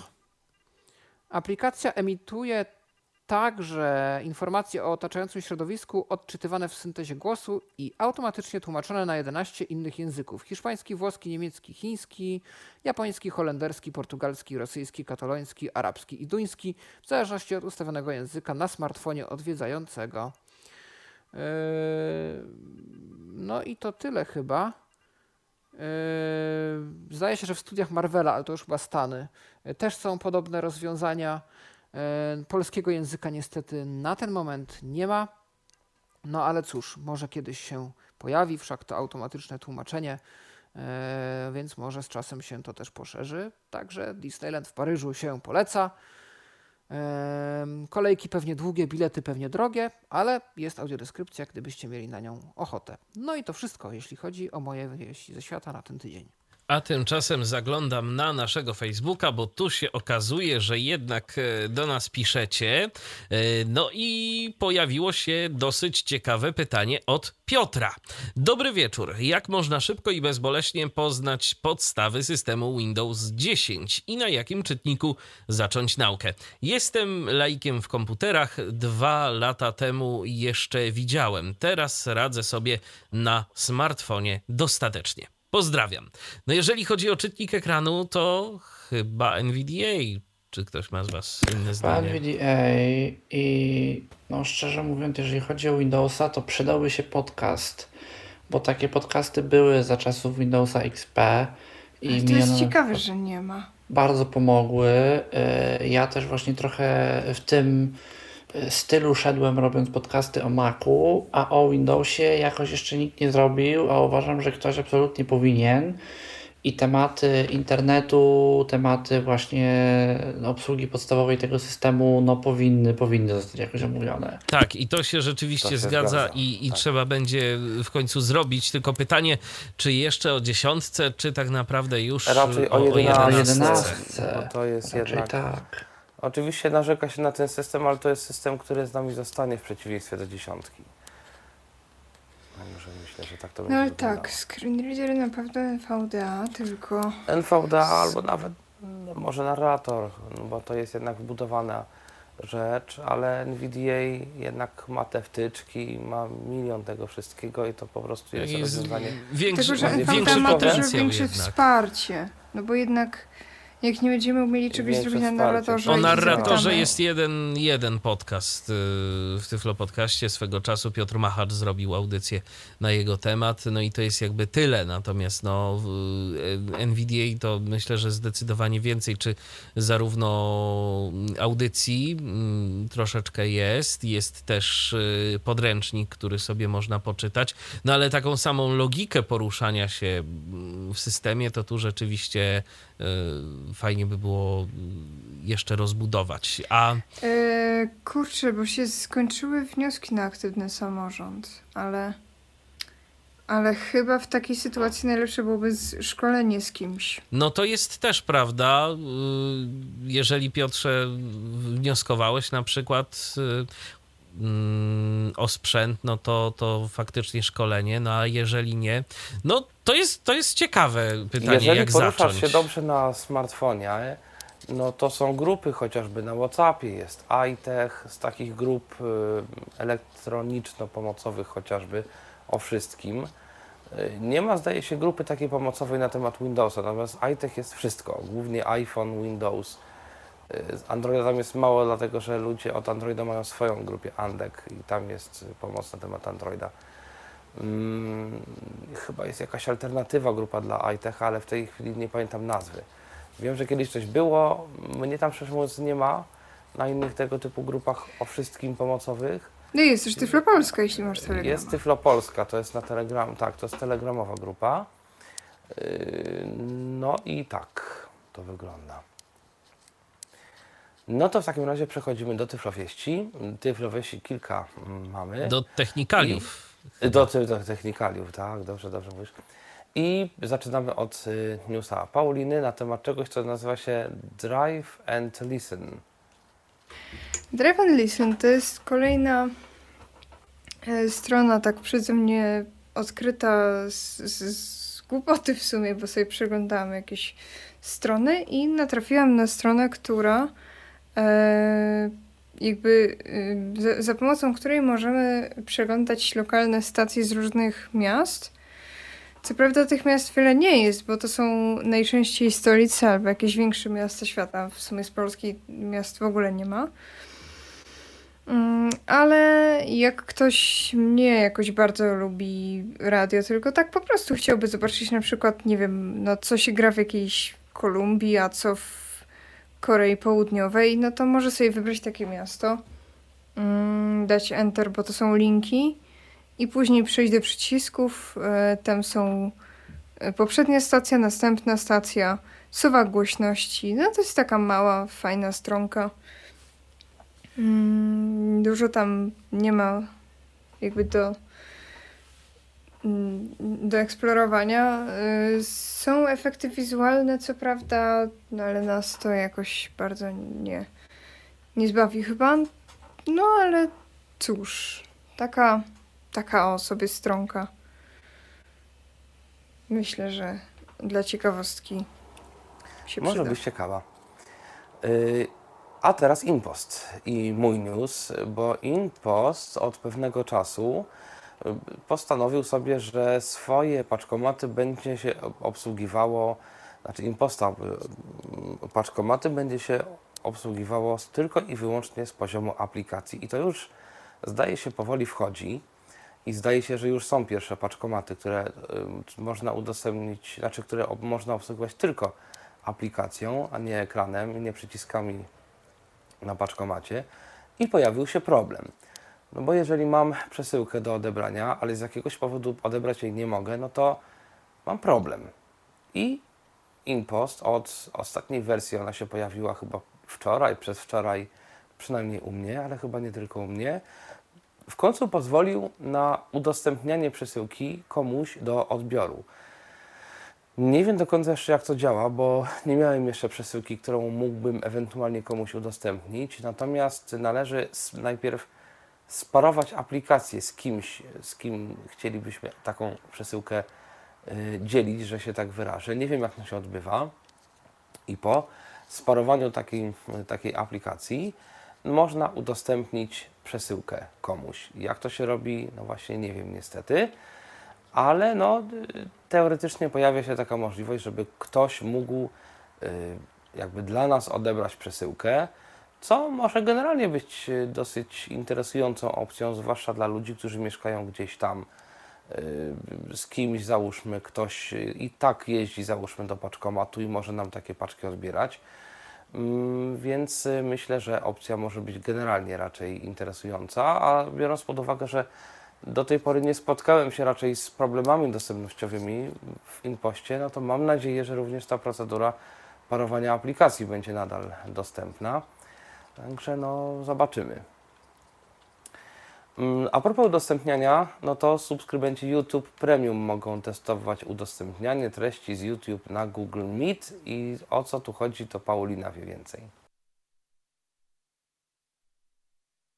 O, tylko Pauliny na razie nie Y. O, Subskrybe- już. y, tak. Y, Subskrybenci YouTube Premium mogą testować podobno od początku tego miesiąca e, taką, y, taką funkcję, dzięki której y, możemy oglądać filmy na YouTubie y, czy też słuchać muzyki, bo na YouTubie też się muzyka zdarza. Na spotkaniu w Google Meet Czyli po prostu to nawet chyba jest tak, że jakby na Google Meet osoby, które są na spotkaniu, otrzymują jakby taki jakiś ym, pop-up albo coś w tym stylu z treścią, którą udostępnia osoba i możemy jakoś tam e, sobie operować, żeby jakąś głośność sobie dostosować i tak dalej. No pewnie też całe mm, przewijanie i mm, możliwości w wstrzymania sobie tego też wchodzi w grę.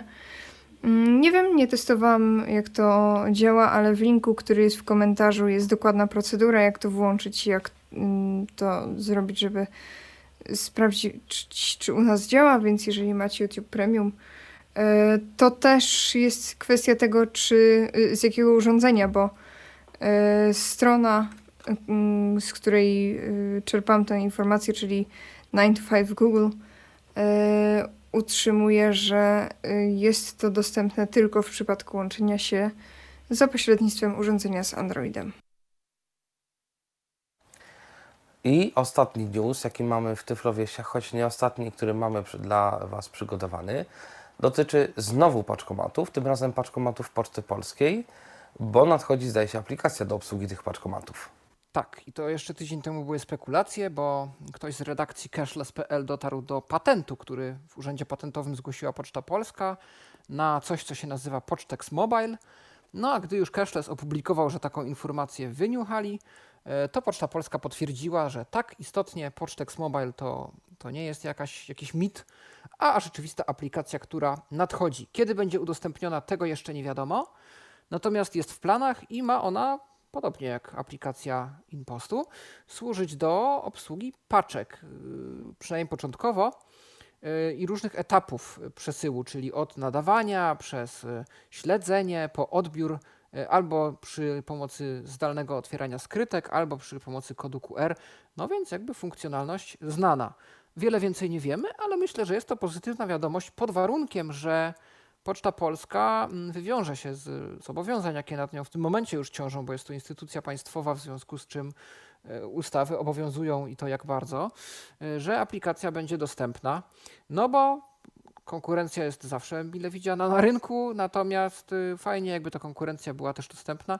No tak, mielibyśmy kolejne automaty paczkowe, które moglibyśmy teoretycznie sami obsłużyć. I to są wszystkie newsy, które mamy w notatkach, ale jest na pewno jeden news, którego ja zapomniałem do notatek wpisać, a dotyczy dyktafonów, bo rejestratorów, bo jakiś czas temu mówiliśmy w Tyflo Przeglądzie, że Olympus zamyka swój dział dotyczący, znaczy dotyczący swój dział rejestratorów audio, ale okazuje się, że z tymi dyktafonami jest trochę jak z tym Feniksem z popiołów, bo pojawił się rejestrator LSP5, ale nie pod marką Olympus, tylko pod marką OM Systems. Natomiast y, pobrałem sobie z ciekawości manual od tego, od instrukcji od tego, mm, od tego sprzętu i ten, ten, ten dokument jest y, do pobrania ze serwerów Olympusowych. Więc prawdopodobnie tak mi się wydaje, że to może być jakaś e, marka Olympusa, tylko, tylko, tylko prawdopodobnie oni, nie wiem, jakąś pewnie swoją nazwę teraz będą mieli. W każdym razie LSP5 to jest e, pewnie następca LSP4, natomiast nie ma jednej, znaczy prawdopodobnie nie ma dla nas jednej bardzo ważnej rzeczy, czyli przewodnika głosowego. E, A przynajmniej ja nie doczytałem się o tym żadnej informacji w instrukcji. Jest tam kilka różnych ciekawych rzeczy. Jest na przykład możliwość odszumienia nagrania, jest możliwość ym, prawdopodobnie jakiejś aktywacji głosu, znaczy aktywacji głosu. On, nie wiem, czy to jest y, taka klasyczna aktywacja głosem, oparta na tym, to co jest głośniej od zadanego poziomu, to zostawiamy, to co jest ciszej, to wyrzucamy. Mm, Oni to raczej opisywali jako wykrywanie głosu, znaczy czy coś jest głosem, jeżeli to coś jest głosem, to to zostawiamy, jeżeli nie jest głosem, to to wyrzucamy. Są takie algorytmy, e, wiem o tym, że są takie algorytmy, one chyba nawet dość szybko działają. Natomiast y, jak to działa, czy to faktycznie tym jest, czy nie, no to tego nie wiem. Działa ten rejestrator na dwóch bateriach AAA.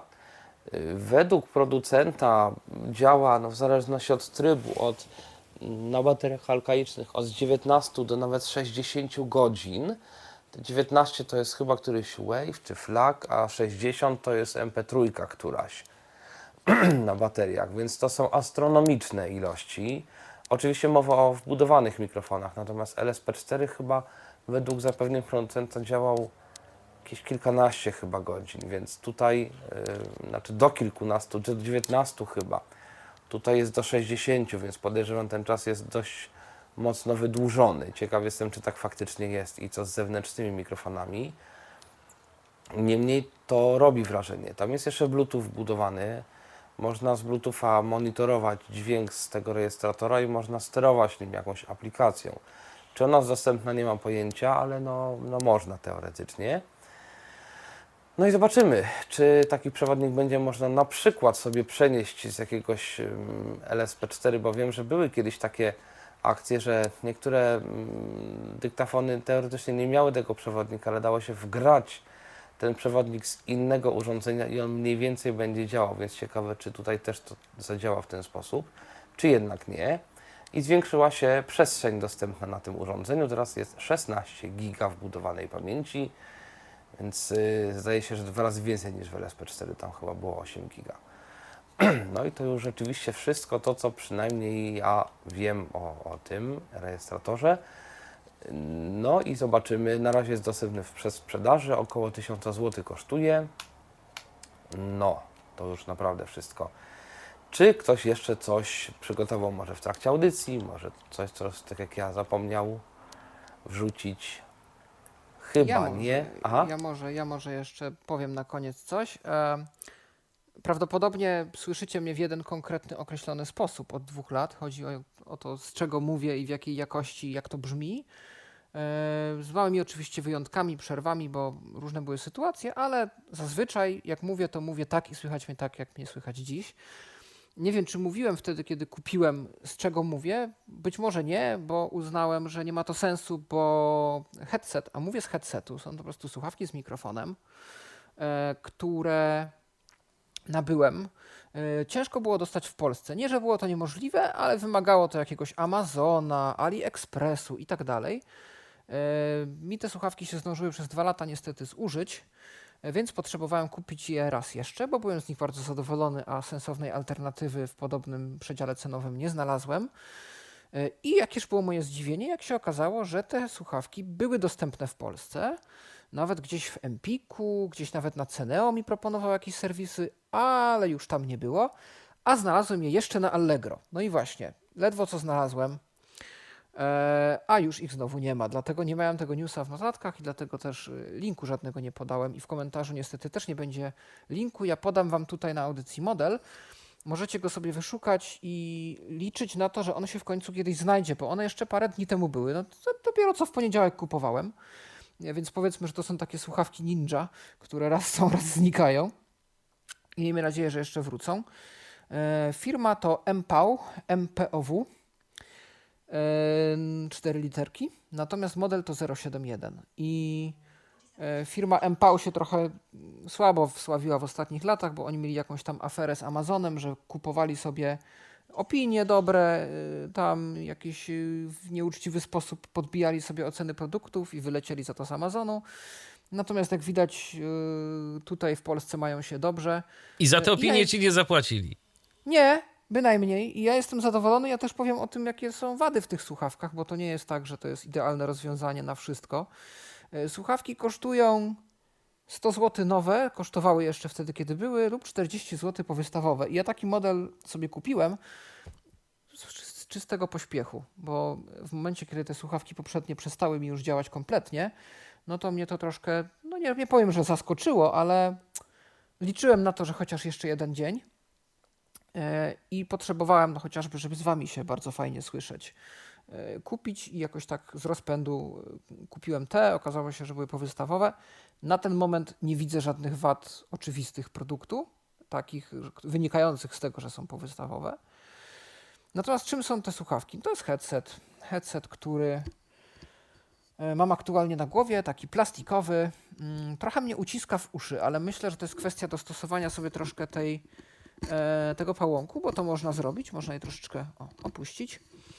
E, ma on mikrofon e, i jest to headset zasadniczo na jack. E, natomiast e, w pakiecie z tymi słuchawkami otrzymujemy też adapter na USB. I do tego adaptera wkładamy jack. E, na adapterze mamy cztery przyciski. Jest to głośność w górę-dół w odtwarzaniu E, wyciszanie mikrofonu i wyciszanie odtwarzania, czyli klasyczny mute. E, z tych słuchawek słychać mnie tak.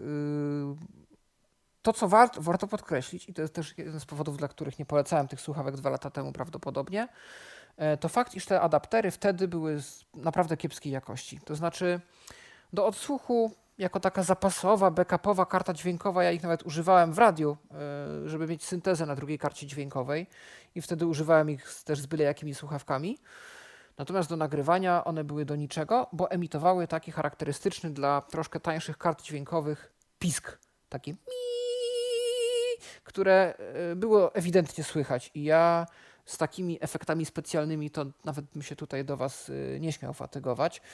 Natomiast jakie było moje zdziwienie, kiedy dziś podpiąłem ten adapter nowy, który dostałem i już tego problemu nie było. Było wszystko jak najbardziej super. No, słyszycie mnie zresztą teraz z tego adaptera.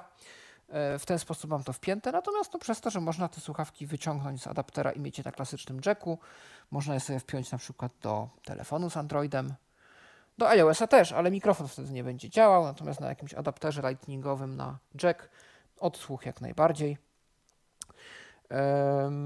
No i no nie wiem, co jeszcze mogę powiedzieć. Te, tutaj jest tak fajnie wyściełana ta, ten pałąk, który opiera się o moją głowę tutaj od góry. Słuchawki mają AGC wbudowane, które sobie warto w Windowsie w dodatkowych ustawieniach, urząd właściwościach urządzenia wyłączyć na start i tą głośność podregulować już na poziomie yy, systemu Windows lub tam innego, jeżeli gdzieś tam macie taką możliwość. No i to chyba tyle, co mogę na temat tych słuchawek powiedzieć. Ja od dwóch lat ich używam, jestem z nich zadowolony.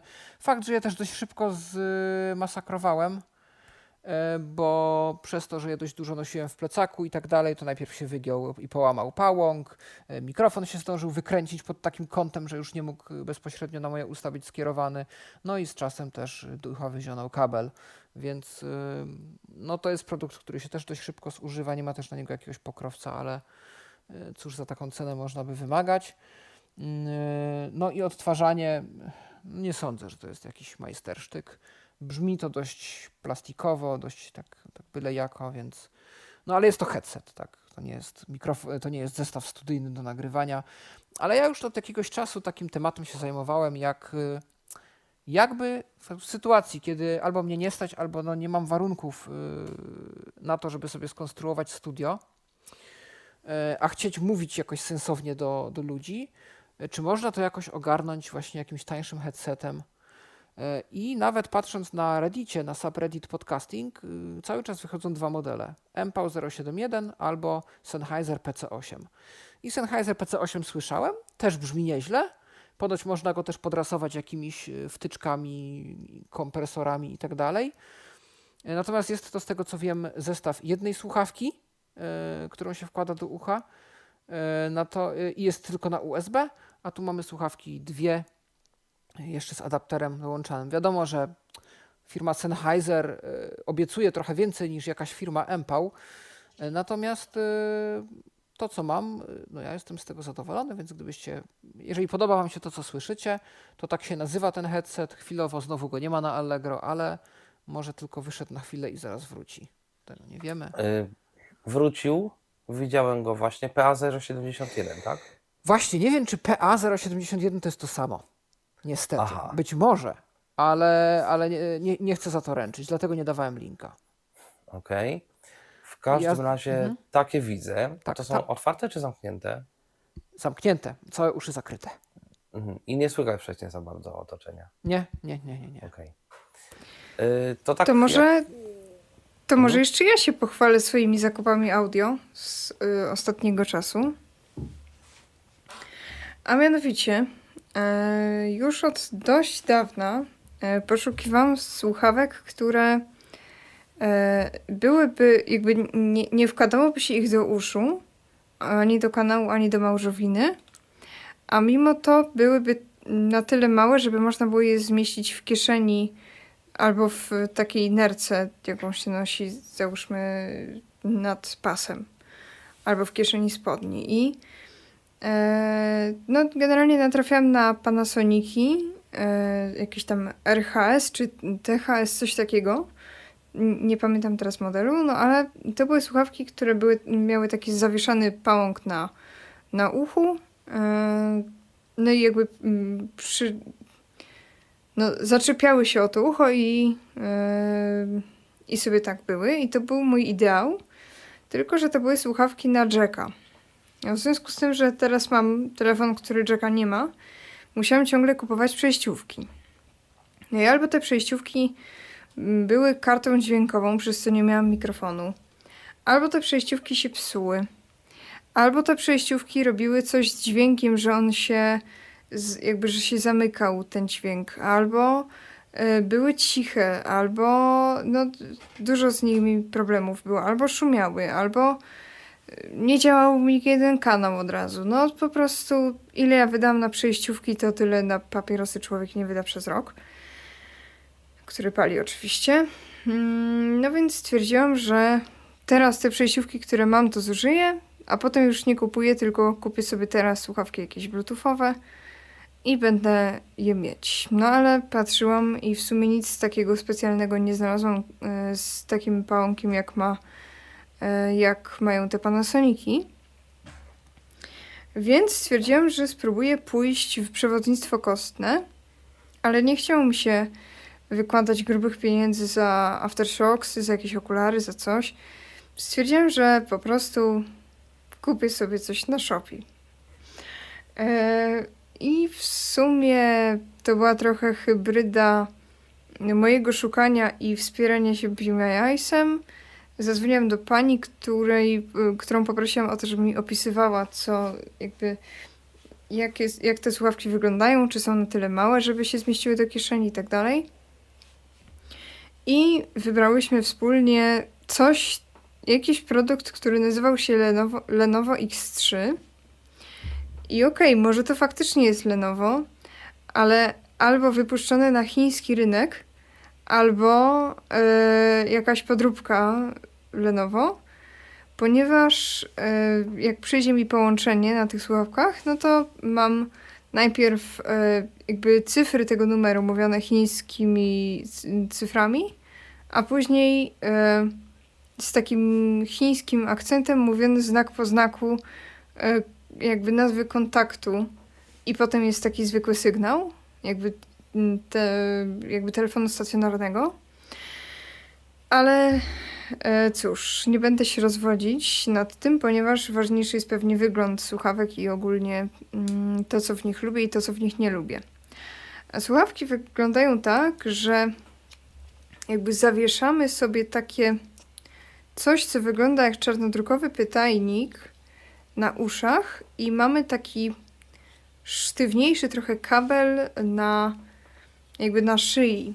E, ale to się da zwinąć tak trochę w, w takie, no powiedzmy to sobie kółko i wsadzić właśnie do nerki. Ma to dwa te takie plastikowe nauszniki, e, znaczy no te takie mm, ala pytajniki. I na prawym mamy e, głośność w dół, głośność w górę i e, power. Jak go dłużej przytrzymamy, to włączymy i wyłączymy słuchawki. Y, jest to też y, emulowanie przycisku słuchawkowego, mm, tego multimedialnego. Y, możemy też odbierać i odrzucać połączenia. I co jest takiego fajnego w nich, to to, że mają bardzo duży zasięg w sumie w Bluetoothach, no okej, okay, dużo ich nie miałam, ale mam jeden głośnik i jeden. E... Znaczy nie, w sumie mam dwa głośniki i, i jedne słuchawki TWS. I wszystkie te e, sprzęty nie radziły sobie dobrze z moim domem, natomiast te słuchawki e, bardzo dobrze obejmują nawet e, piętro niżej, piętro wyżej. Mogę sobie chodzić po tych piętrach na spokojnie. E, I jest też bardzo fajna bateria. W sumie nie wiem, ile godzin dokładnie wytrzymuje, ale jeszcze mi się nie zdarzyło, żeby one mi się wyczerpały. No, ale to, co jest niefajne, to są trochę opóźnienia. To jest jakieś 3 czwarte sekundy, bym powiedziała. I to jest bardzo, bardzo słabej jakości mikrofon. To jest. No, to jest telefon trzymany pod wodą to naprawdę trzeba mówić wyraźnie, żeby mnie ktokolwiek zrozumiał. E, No ale cóż, do odsłuchu i do eksperymentu są spoko. Jeżeli no jeżeli po prostu chcę sobie puścić coś z komputera i chodzić po domu, coś robić, no to takie słuchawki mają jak najbardziej sens. Ładują się przez mikro USB. I one są, Paulina, jak rozumiem, też z przewodnictwem kostnym, tak? Tak, tak, tak. Y, Właśnie o tym mówiłam. Y, Jakby mm, y, jak, jak jest ten pytajnik, to jakby on nam dotyka tej kości takiej, która jest pomiędzy uchem a skronią.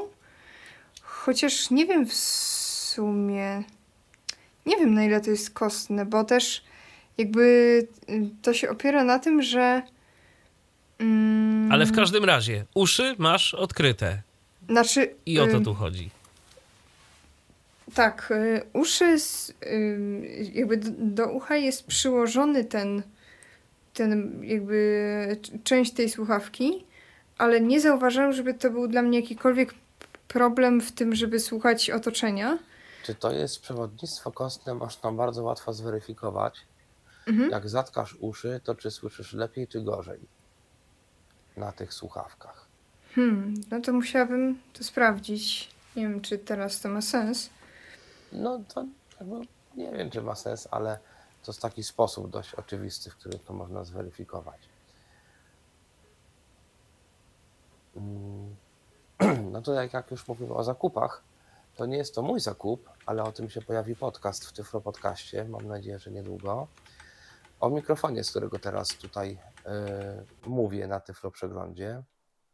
To jest mikrofon, w zasadzie zestaw dwóch mikrofonów bezprzewodowych.